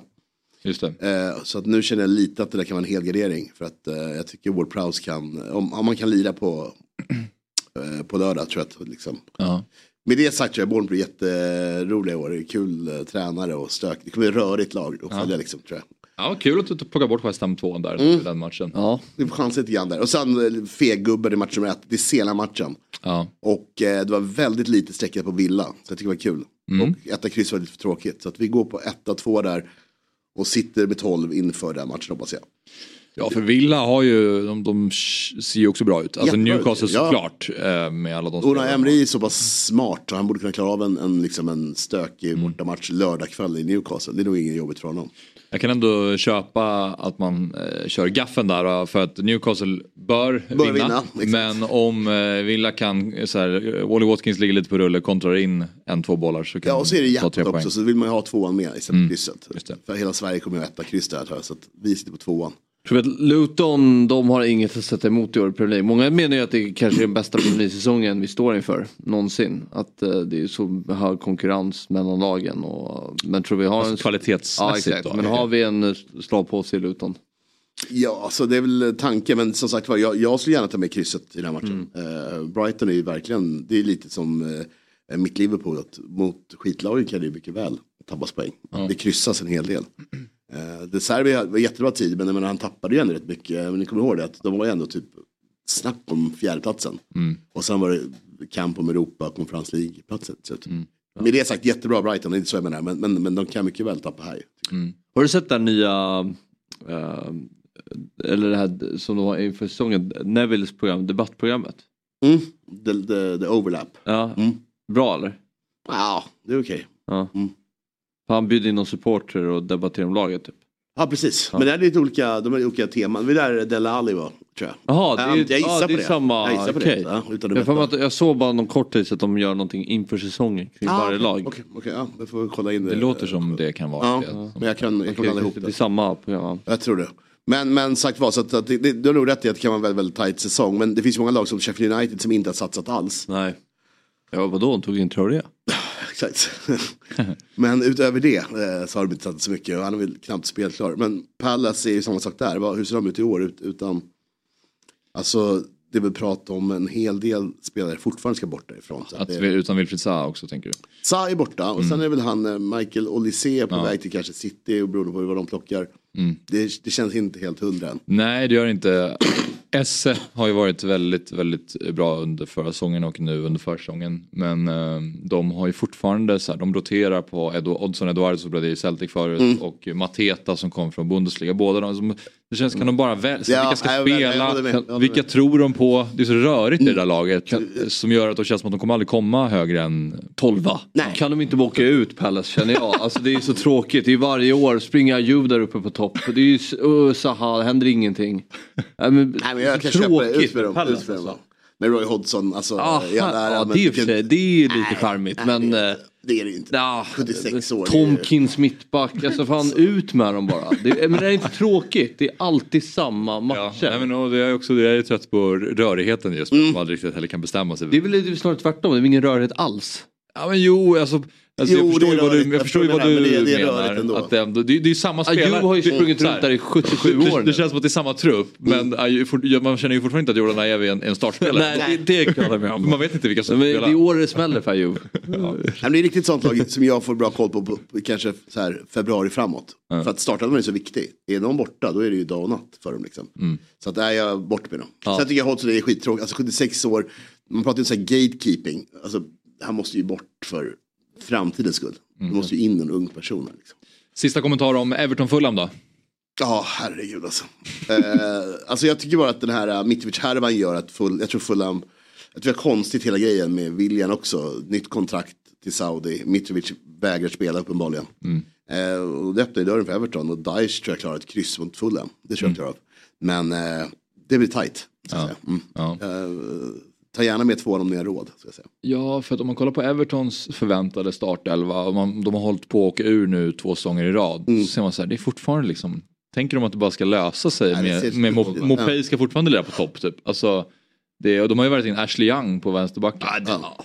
Eh, Det är, åker de det är klassiska Everton-värvningar som bara tar från konkurrerande. Som bara, det här kan vi nog fynda lite och så visar det sig Tror du funkar. för, för uh, Unai Emery att bli av med Ashley? Alltså han var, han var helt okej förut. Han var faktiskt helt okej. Verkligen, men att bli av med så gammal snubbe och liksom att han ska lira vidare i Premier League. Ja. Det är Nej, det är orimligt. svindlande. Ja, alltså det, det blir kul att se i alla fall. Men, men vi har eh, andelar uppe. Den här veckan kör vi två stycken. En kanske lite större, dyrare. Så har vi en sån här chansning som är rolig nu inför jackpoten. Så att eh, rygga där och köpa andelar. Mm, kanon! Eh, där har vi eh, vår mysiga spelkvart eh, med Myggan. Och eh, Stryktipset är en produkt från, från Svenska Spel, Sport och Casino AB. Det är åldersgräns 18 år och om man har problem med spel så finns stödlinjen.se.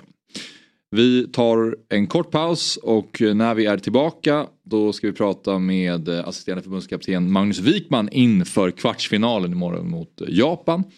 Och sen så ska vi dessutom prata med Örgrytes William eh, Dahlström om succédebuten mot Helsingborg. Så att eh, det finns mycket fint kvar av det här avsnittet av Fotbollsmorgon, så sitt kvar.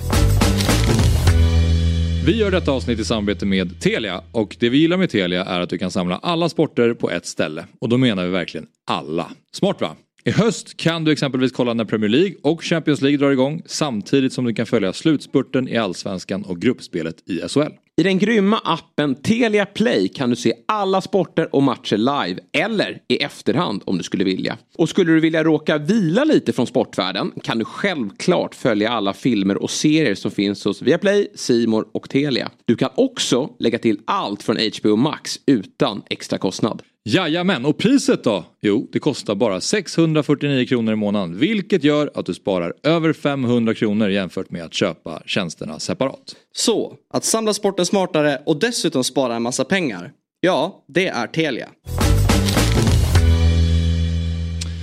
Varmt välkomna tillbaka till Fotbollsmorgon. Axel Insulander heter jag, sitter här med Myggan och Fabian Ahlstrand och nu så ska vi prata med assisterande förbundskapten Magnus Wikman. Och eh, de svenska damerna de gör ju så här långt en riktigt fin VM-sommar och efter straffarna i söndag så undrar man ju om pulsen har gått ner än hos ledarstaben. Eh, för det är ju eh, dags imorgon igen, fredag 9.30.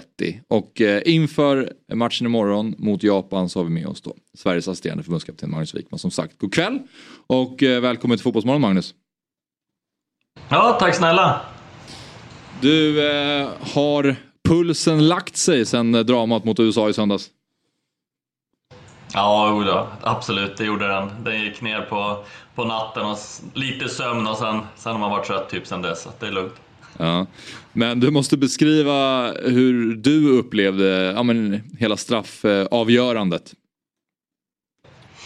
Ja, jag själv var jag relativt lugn ska jag ändå säga, som stod mer och observerade. Vi var ju ändå med lite innan vilka som skulle slå straffar och de närmast om det skulle bli utslag, vilket det blev. Sen hade de lite egna, skulle de få lösa det själv om det gick väldigt långt, så då började man fundera när det började närma sig då sjunde, var, man skulle hamna. Och, och som ni såg själva så var vi ju ganska från straff tre i underläge egentligen. Det kändes att nu avgör de, eller nu avgör de, eller nu avgör de. Och så mitt i allt så vann vi. Och man visste inte det heller för när Frappar, domaren, då kör en washout i mina ögon, så betydde det att matchen var slut, men för mig att det inte var mål. Så att ja, det var mest förtvivlan och lite hopp på slut. Eller, men det var dock lite innan det var klart. Ja precis, vi var satt många framför tvn och var förvirrade kring domarens tecken. Och tänkte ja, ja. nästan, när, när, till och med när Hurtig började fira kände jag så här. Jag vet inte, det, it, har hon missförstått det här tecknet nu eller? Men de hade ju uppenbarligen konversation med varandra så hon hörde väl henne säga att det, det är klart ni har vunnit eller någonting liknande antar jag. Ja, det var väl så. Först, de, Eh, målteknologin gjorde väl att det var mål direkt som inte vi får reda på eftersom den känner av på en gång via bollen. Men sen ska de ju checka av det med VAR. Eh, men jag var precis som er, att jag inte trodde på det riktigt heller. För att jag trodde hon hade missuppfattat det där tecknet. Eh, hon har inte sett någon hockeymatch som en annan och sett att det är washout. Men hon fattade rätt och jag fel. jag, jag fråga. hur mycket har ni tränat straffar inför turneringen och hur mycket liksom, har ni lagt vikt på det och kontra det här liksom, psykologiska aspekten att slå en straff? Hur mycket kan man träna på det? Vi tränar inte, alltså det är upp till var och en såklart under turneringens gång, men när vi kommer till det här av eller till åttondelsfinal där det verkligen kan bli straffar och flera kan bli involverade så tränar vi det dagen innan frivilligt. De flesta vill träna och slå. Sen vet mm. några vill berätta för målvakten som i våran att jag kommer skjuta det där hörnet. Eh, så att de ändå får träna på att eh, se hur bra straffen är, fast målvakten vet om det ungefär. Eh, några slår straffar lite oftare, några har ju typ aldrig slagit straff eller gör det bara i sådana här sammanhang. Så vi tränar det tekniskt för dem själva egentligen innan, men sen kommer det till det mentala när du står där i match. Jag kan inte själv säga hur det är, men jag förmodar att det är tuff press när du måste till exempel då sätta en straff som några av våra tjejer hamnar i, Hanna Benders och Magdalena Eriksson, för att inte vara mm. ute. Så att, eh, och det har vi ju pratat om såklart. Eh, men hur det är där ute, det, ja, jag kan inte svara för. Nej. Så vissa tränar genom att berätta för eh, våra målvakter då att här, släng det dit för det är där jag kommer slå den och försök rädda den i stort sett.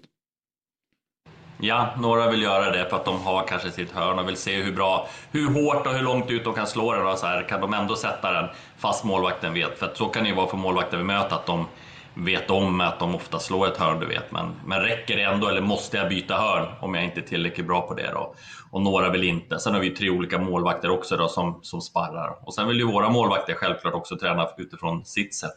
Eh, för de ska ju också vara där och försöka rädda bollar. Så det är lite olika hur de vill göra. Men de flesta då före match ville skjuta och eh, slå några. Sen är typ de som varit straffskyttar inför matcher om det hade blivit, de har ju tränat lite mer på det. Hade varit kyligt så är det ett motståndarmåten. Eh, precis, jag kommer slå den där. Testa och rädda. Då är det mind game. Ja, då är det mind game. eh, men så om jag eh, förstår rätt då Magnus, så de första eh, straffarna är bestämda sen innan men sen om det fortsätter då är det lite upp till spelarna. Vi gjorde så nu att de fem först, de vi ville och var de själva redo för det där och då. Eh, och vilken ordning vi ska ta det som också blir säga, bra för dem. Vare sig vi skulle kunna tycka något så måste också de kännas lite rätt och tro att de har störst chans att göra mål. Och kan vi få ihop det på 1-5 och Sen hade vi lite 6-7 sådär via lagkapten Magdalena Eriksson då, att hon skulle vara en och hon skulle prata och skulle det gå till 8, 9, 10, 11 så skulle hon ta det med de tjejerna eh, där ute. Om det är någon som kände sig lite mer på än någon annan utifrån kanske hur matchen har varit eller vad man var i för, för mod. Okej, okay. jag måste bara fråga också eh, innan vi släpper straffarna sådär. Men eh, för Musovics del då? Alltså man har ju sett många målvakter som har tejpat på saker på sina vattenflaskor när man har de olika straffskyttarna som är förväntade i motståndarlaget. Hur de slår sina straffar vanligtvis. Hur förbereder sig Musovic?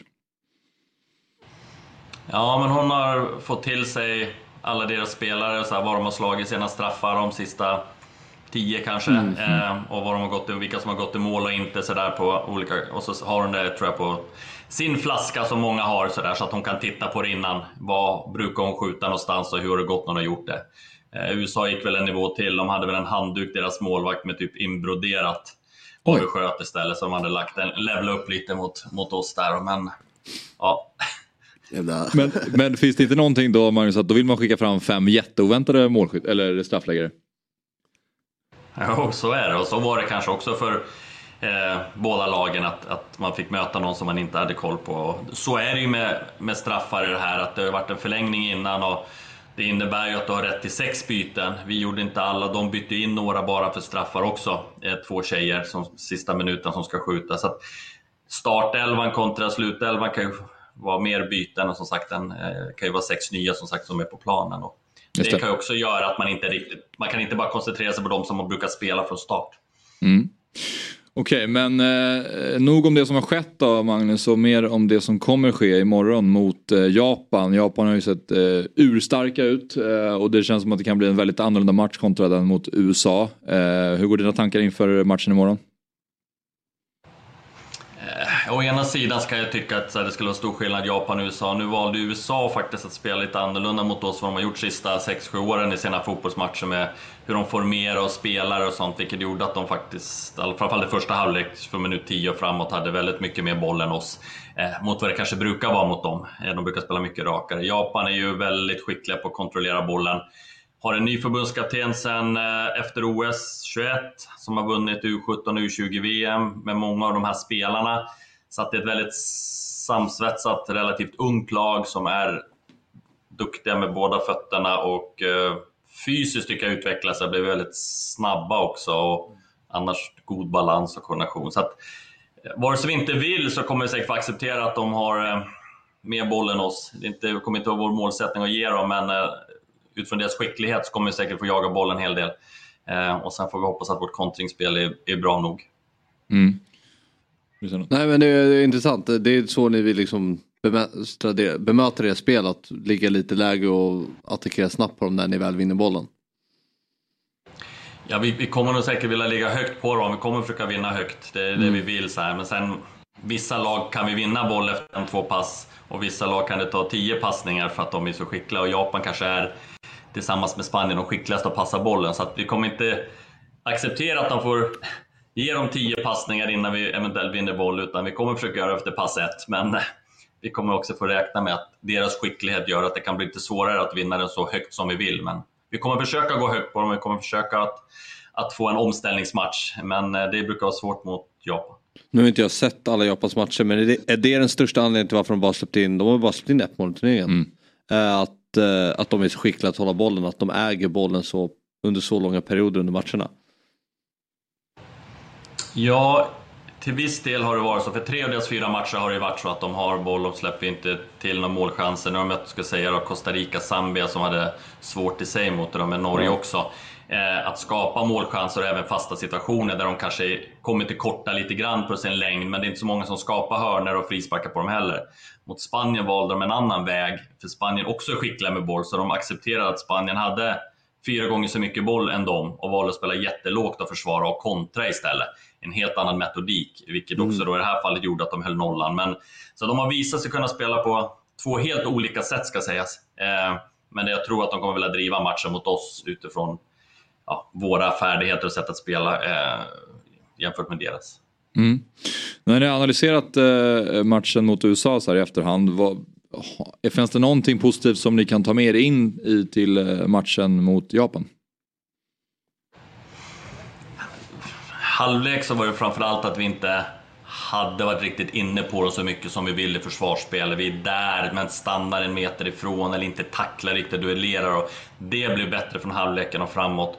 Och det måste vara med oss här. Vi kan tid att lira bollen för då kommer vi bara få jaga, jaga, jaga. Utan vi måste in i, i det fysiska spelet mot dem eh, och få mycket, mycket ja, närkampsspel för att kunna vinna bollar. Eh, så det är en del. Och sen såklart, har man fått jaga mycket och är trött så behöver vi ändå vilja, vilja ha bollen därefter och inte kunna vila med den. Eh, utan, men eh, vi försvarade bra eget straffområde mot USA, så det tar vi med oss. Och att vi förbättrade från halvlek och framåt eh, duellspelet egentligen. Att vi kom in på, på dem lite mer och vi behöver ännu mer in i japanskorna imorgon. Mm. Ni har ju varit extremt starka på fast situationer under turneringen. Eh, blev, inga, eh, blev inte riktigt lika framgångsrika som ni varit tidigare mot USA då, men eh, förhoppningsvis mot Japan. Hur viktigt tror du att det blir eh, imorgon? Jag tror att först ska vi säga defensivt mot Japan, så Japan är inte så storväxta, men de är duktiga på offensiva fasta för de är snabba och de har bra servar, alltså de som slår frisparkar och hörnor och mycket korta och varianter. Så att där gäller det mer att vara snabb än att vara lång.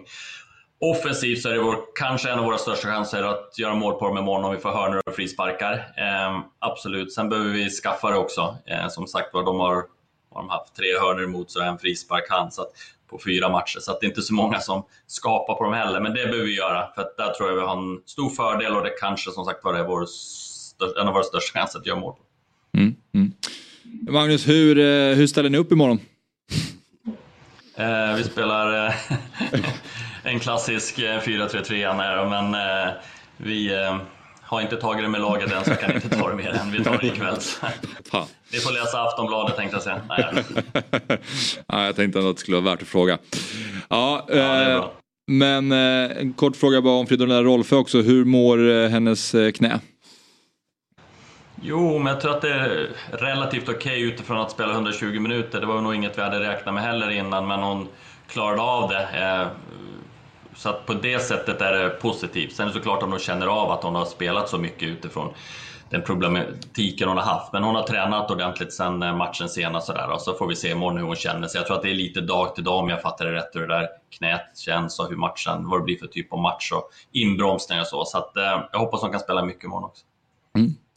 Okej, okay, men eh, stort, tack, eh, stort tack Magnus. Eh, vi kommer alla sitta här och följa dig imorgon. Stort lycka till och så hoppas vi att ni går vidare till semifinal.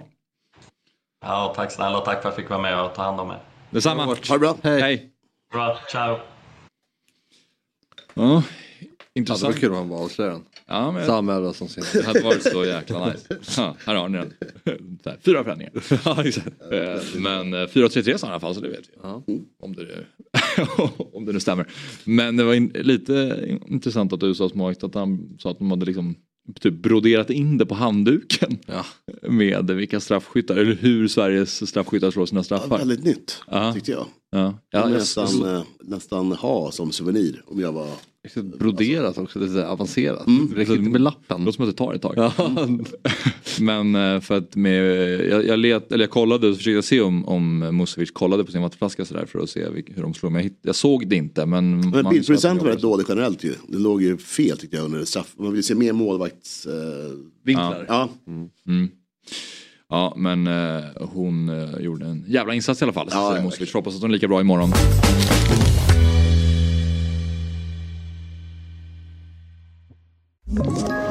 Ett poddtips från Podplay. I fallen jag aldrig glömmer djupdyker Hasse Aro i arbetet bakom några av Sveriges mest uppseendeväckande brottsutredningar. Går vi in med hemlig telefonavlyssning och, och då upplever vi att vi får en total förändring av hans beteende. Vad är det som händer nu? Vem är det som läcker? Och så säger han att jag är kriminell, jag har varit kriminell i hela mitt liv men att mörda ett barn, där går min gräns. Nya säsongen av Fallen jag aldrig glömmer på Podplay. Um, nu ska vi gå vidare och uh, nu ska vi prata med William Dahlström. För att um, efter en tung start i sin nya klubb Halmstad BK då, så valde William för ungefär en vecka sedan att gå, till, gå på lån till klassiker och krisklubben i Superettan Örgryte IS. Och eh, misslyckat byte verkar det minsann inte bli för redan i första matchen så blev han stor matchhjälte när han i den 93 minuten petade in segermålet i 2-3 vinsten mot kollegan i botten Helsingborgs IF. Så det är med stor glädje som vi nu hälsar William Dahlström välkommen till Fotbollsmorgon. God morgon. God morgon. Du eh, William, eh, hur skönt var det? Vi börjar där helt enkelt. Ja. När du avgjorde matchen. Eh, berätta för oss. Nej men det var, det var väl en eh, rätt skön känsla sådär. Jag var rätt trött eh, på slutet så att det var men så såg jag att Noah då kom, kom fri eh, och då var det bara att försöka orka den där planhalvan för att se om det kunde bli någonting. så att, nej, det var, det var kul. Eh, framförallt i en sån match mot, eh, mot Helsingborg. Eh, de har ju ett, eh, ett, ja, ett hyfsat hemmastöd eh, ändå för för att vara superettan. Jag kikade matchen, jag tyckte att ni var, gjorde en bra match. Ja, men eh, nu har jag ju bara gjort typ tre träningar så att jag har liksom inte sett jättemycket innan. Eh, Men det kändes bra. Mm. Man brukar känna skillnaden när man har ett, har ett stabilt eget spel man kan luta sig tillbaks mot och det kändes som att vi stressade inte upp oss så mycket även om de lyckades göra 1-0 eh, efter en ganska bra period från oss. Mm. Ehm, varför, eh, varför blev det ÖIS? Nej men det var väl, jag var väl rätt tydlig med att jag, eh, jag vill spela fotboll igen. Eh, Jag har suttit i, i Halmstad nu ja, ett år nästan eh, utan kontinuerlig speltid så det var så här. Nej, men som fotbollsspelare man tröttnar ju till slut. Eh, liksom inte, inte så jävla kul att bara träna och sen aldrig få spela matcher. Så att jag var rätt tydlig med Halmstad att jag ville, ville hitta någonting nytt och så eh, tog ÖIS, eller Jeff tog kontakt med, med, eh, med HBK och mig. Eh, och det kändes väl som en rätt liksom, ja men spelsättet kändes eh, bra och eh, kanske lite mer likt det jag liksom eh, spelade innan i, i Degerfors. Eh, med tre anfallare istället för två och eh, lite mer boll upp fötterna. Eh, Eh, så att nej, det var väl egentligen bara så här speltid, det funkar att pendla, jag har familj här hemma i Halmstad så att det var liksom alla, eh, ja men det var check på mycket. Mm. Och Jeff är då eh, tränare Jeffrey Åbyn tolkar jag det som. Eh, hur är eh, Jeffrey Åbyn som, som tränare då? Nej men eh, jag har fått bra, eh, bra känsla efter den här veckan. Eh, enkel att kommunicera med. Eh, han är väl också ganska, han har väl varit, det är hans första tränaruppdrag som huvudtränare tror jag. Eh, så att, men eh, ja, det är väl, eh, jag har hittills bara gott att säga. Mm. Mm. Du får fråga efter säsongen. ja, precis, vi får, vi, får, göra det. Men jag, jag tänkte bara med det, som anfallare när man är i en klubb och inte får spela under en längre period. Hur påverkas självförtroendet? Alltså bara träna, träna, träna men inte få speltid och, och sådär. Nej men. Alltså det är klart att när man, eh, jag hörde väl när jag gjorde mål i häromdagen så var det typ ett år sedan jag gjorde mål sist. Oj. Och så, så känns det ju inte eh, att man, man tränar och där gör man mål men samtidigt så de har ju fan glömt hur det är att göra på match. Så det är klart att man liksom undrar lite vart man står. Jag har gjort några sådana här matcher i U21-serien men den ja, har jag inte jättemycket gott att säga om. Eh, Det räknas det inte liksom- målen. Nej, nästan så. Det är lite som eh, under 15 eller vad det är i Sverige. Eh, Så att det är klart att det det är aldrig, det är inte tävling på riktigt liksom. Eh, Så att det är jävligt kul att vara igång igen och, och tävla och, och ÖIS, eh, det är ju en klubb som, de har ju liksom inte i division 1 att göra. Nej. Men för alla som inte har koll på det då, William, hur skulle du beskriva dig som anfallare? Du spottade ju in mål för FC Gute i division 2. Ehm, berätta. Ja, nej men jag är väl ganska mångsidig. Eh, gillar väl att möta mycket felvänd men kan väl ändå vara ganska bekväm och gå i djupled. Eh, gillar att göra poäng, eh, men det gör väl alla. Eh, jobbar ganska eh, och är väl hyfsat, hyfsat stark och eh, lite lagom snabb. Eh, så det är väl så här, ja. Eh, kanske ska hitta en spets istället. Ja, okej. Är det det som du upplever har varit, eh, inte problematiken då, men det som har gjort att du tagit riktigt nästa steg helt och hållet? Att du Nej, men börjar bli spetsigare? Det är väl klart att man, eh, om man jämför med anfallskollegorna jag haft i Halmstad så var det kanske någon som var mycket mer uttalad target-typ och någon som var väldigt snabb i djupled. Och det är klart att är man lite både och, eller mittemellan, så, så kanske man inte kompletterar de andra Mm. på samma sätt. Eh, det funkar väl bättre i ett, liksom, ett eh, rörligt anfallsspel. Eh, det är väl min, att kombinera gillar jag liksom. Mm. Mm. Du, eh, måste också fråga dig din bakgrund där. Har du inrett din lägenhet som Fotbollsmorgon? Är du, är du ett Fotbollsmorgon-fan? Du ser. Frågan är om jag var före er bara. Ja, det, kanske, det kanske är Fotbollsmorgon som har inrett eh, studion efter William Dahlströms Ja, lägenhet. jag jag gillar det. Vad sa du? Ja, vi tycker vi håller det så. ja. eh, men eh, vill också fråga, eftersom du är gotlänning William, eh, Myggan, GT-villan är ju ditt ställe. Jag tyckte säga det, lite så här Tofta Beach House över din, eh, din vägg där bak. Det är liksom nya Ibiza-Tofta du kör. Ja, Jag, hade, jag var på 50-årsfest på Tofta Beach House, så det var eh, schysst ställe. Ja, snyggt. snyggt. Ja. Men har du besökt GT-villan? Alltså det sjuka är att jag har faktiskt inte det. Eh, jag har ju liksom bara en vecka hemma varje sommar. Eh, och sen är det på vintern är det kanske inte... Nej, det är, inte, det är inte vår tid. Men du kanske har varit på Kryssvintergården och käkat som barn eller något? Ja, ja. men det har jag. Eh, Det, det ingår i... jag, har hört, jag har hört väldigt gott om det. Så Ja, vad kul. eh, Vad kul. Nästa sommar, då jävlar. Exakt. Varför heter det GT-villan? Ja, det, det var väl en GT-bar från början, den bara hade GT och så blev det en form av lite mer mat och sen byggdes det på till en form av. Ja. Så att, eh, det, Det är efter eh, Gin och Tonic, det är Ja, inte precis. liksom Det är någon inte- nej, det är inte gammal så. person som heter Nej, Gunnar Torbjörn Känn eller något. Nej, okej. Vad sa du William? Jäkligt schysst miljö. Ja, verkligen. Ja, nej, du var med på länken mycket under sommaren, då så Ja. fick vi ju se. Promota Gotland för den här veckan, medeltidsveckan. annars är, annars är jag down. du verkligen. Ja, men eh, tillbaka till eh, din fotboll William och eh, Örgryte. Eh, I och med segern så innebär det att ni tog ett steg upp på negativ kvalplats då. Eh, vad tänker du talar för att ni, ni håller er kvar i, i Superettan i år? Nej, men jag tycker ju ändå att man, alltså Superettan är ju skitsvår för alla slår ju liksom alla eh, i vilt. Men eh, det känns ändå som att det finns mycket kvalitet. Eh, och liksom håller man sig till dem, till, till spelsättet och liksom inte, eh, det är många lag som blir fega och det är väl där man inte får hamna. Eh, vi hade väl den tendensen nu när vi hade 2-1 och så blev vi låga och, och så straffades vi till 2-2. Eh, nu hade vi väl flyt som liksom lyckades avgöra det där men det kan ju bli kostsamt i slutet så det gäller väl att liksom våga göra de grejerna man säger och, och jag tror att vi är vassa i ett liksom lite högre försvarsspel kanske. Mm. Eh, nej, för det finns mycket kvalitet. Det behöver bara lossna för några gubbar kanske. Ja.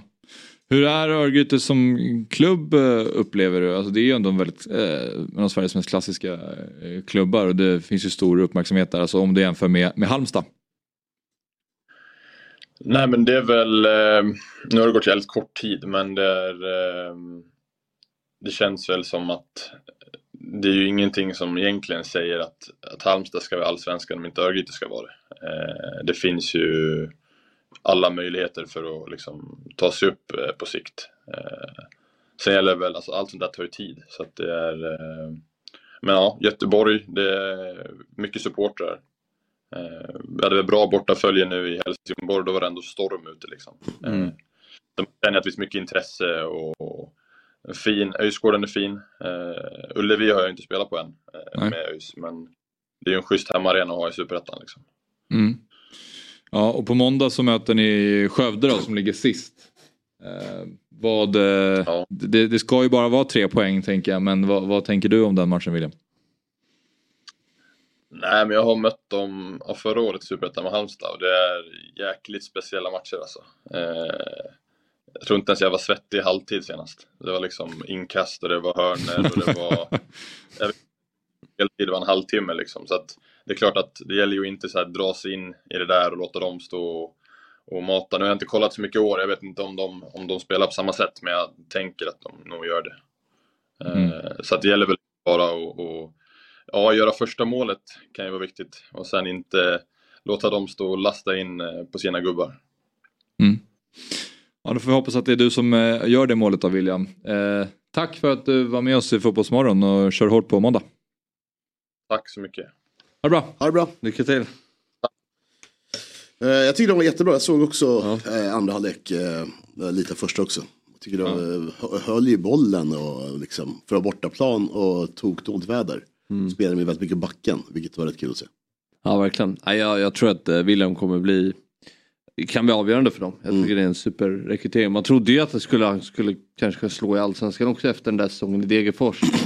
Med firma Edvardsen, Bertilsson, Dahlström som var så framgångsrik. Mm. Nu minns jag inte exakt hur många poäng han gjorde i Superettan men det var väl en 10 plus 10 i alla fall där. När de gick upp Degerfors till allsvenskan. Sen fick, har det hackat lite. Mm. Men jag tror med lite eh, kärlek från Åbyn och lite förtroende så tror jag definitivt att det här kan bli en, liksom en, ett som kan rädda kvar dem. Mm. Mm. Ja, nej, det var roligt att höra. Det har varit en väldigt eh, bred gästlista idag. Alltså, Ja, ja, verkligen, Om, verkligen. om allt mellan himmel och jord känns det som. Det är det som är Fotbollsmorgon. Mm. Så är det. Jag glömde det. Tack för påminnelsen. Men eh, jag sa ju i början av programmet att vi eh, skulle återkomma till en headline och det är då att eh, Jens Kajuste eh, är på väg till Napoli. Det känns som att det måste vi ju faktiskt beröra.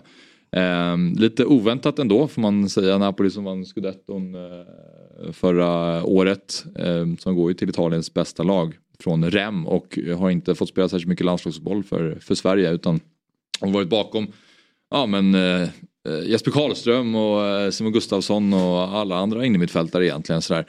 Vad tänker Myggan om när du såg att eh, Nej, men det är ju mäktigt alltså. Det är en kul värvning. Det är kul de här, eh, ni tog upp de här två Twitter, jag såg det här igår också.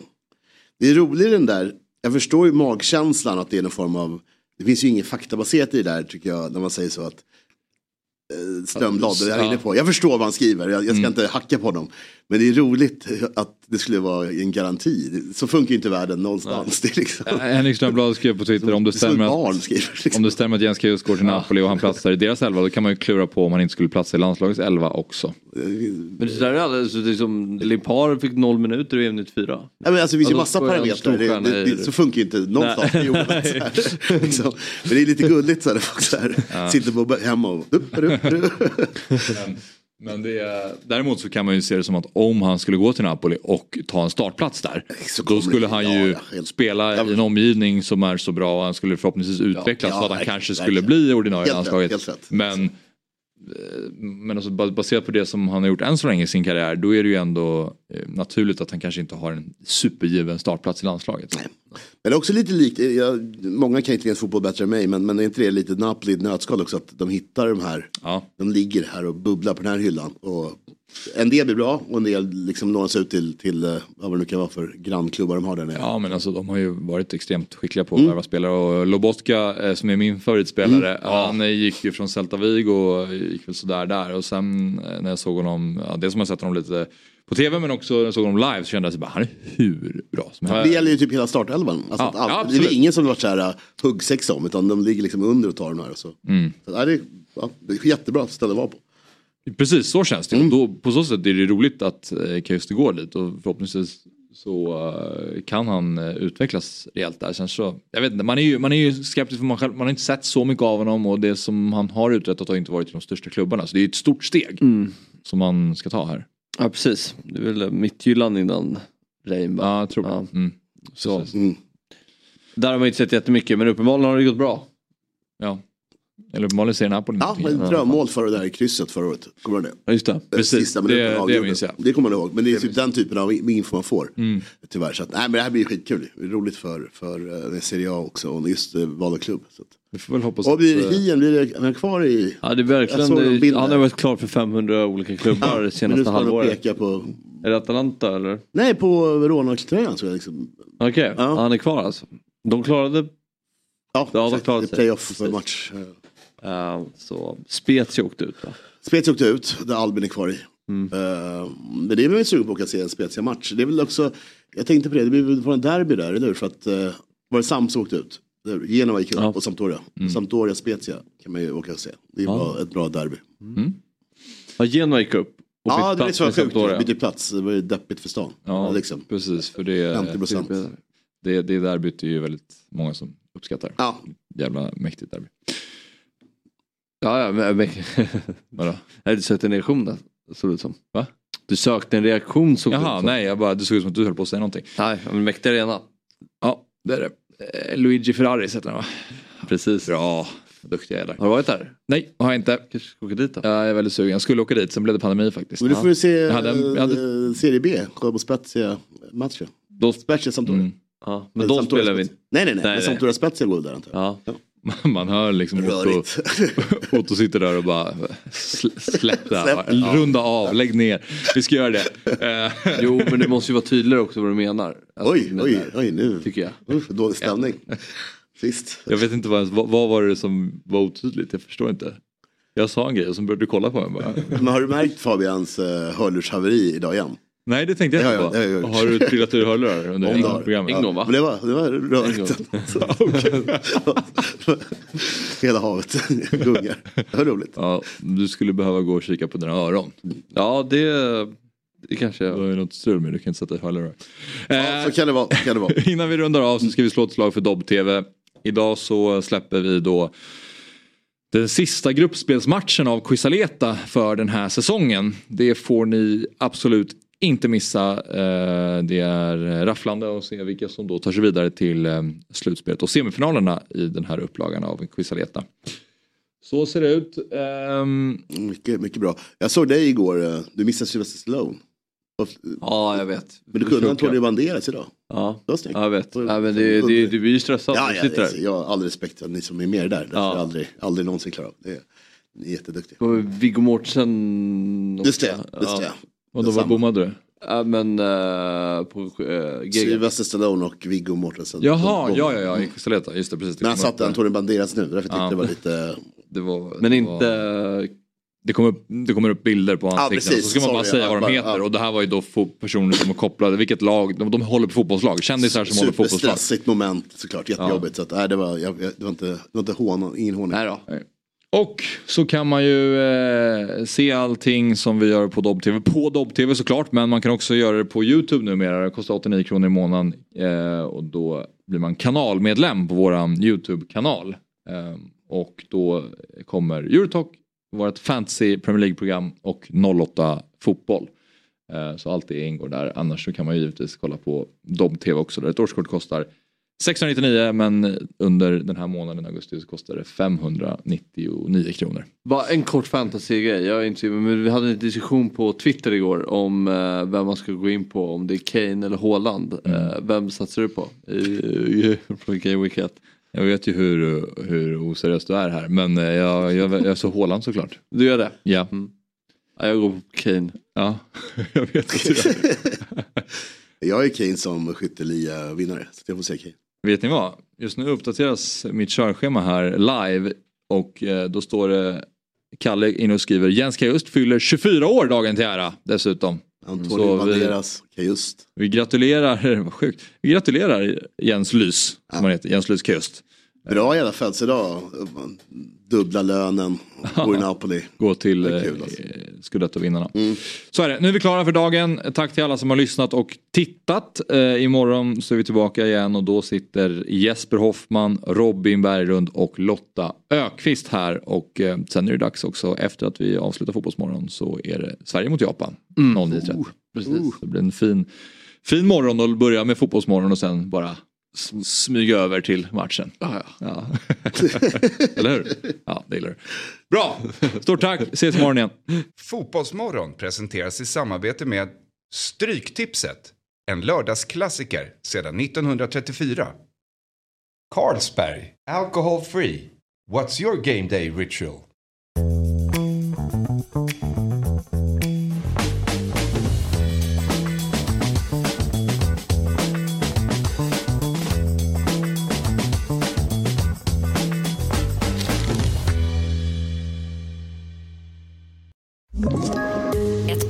Från Podplay. I podden Något Kaiko garanterar östgötarna Brutti och jag, Davva, dig en stor dos skratt. Där följer jag pladask för köttätandet igen. Man är lite som en jävla vampyr. Man har fått lite blodsmak och då måste man ha mer. Udda spaningar, fängslande anekdoter och en och annan arg rant. Jag måste ha mitt kaffe på morgonen för annars är jag ingen trevlig människa. Då är du ingen trevlig människa, punkt. Något Kaiko, hör du på Podplay. Därför arkadeinerna.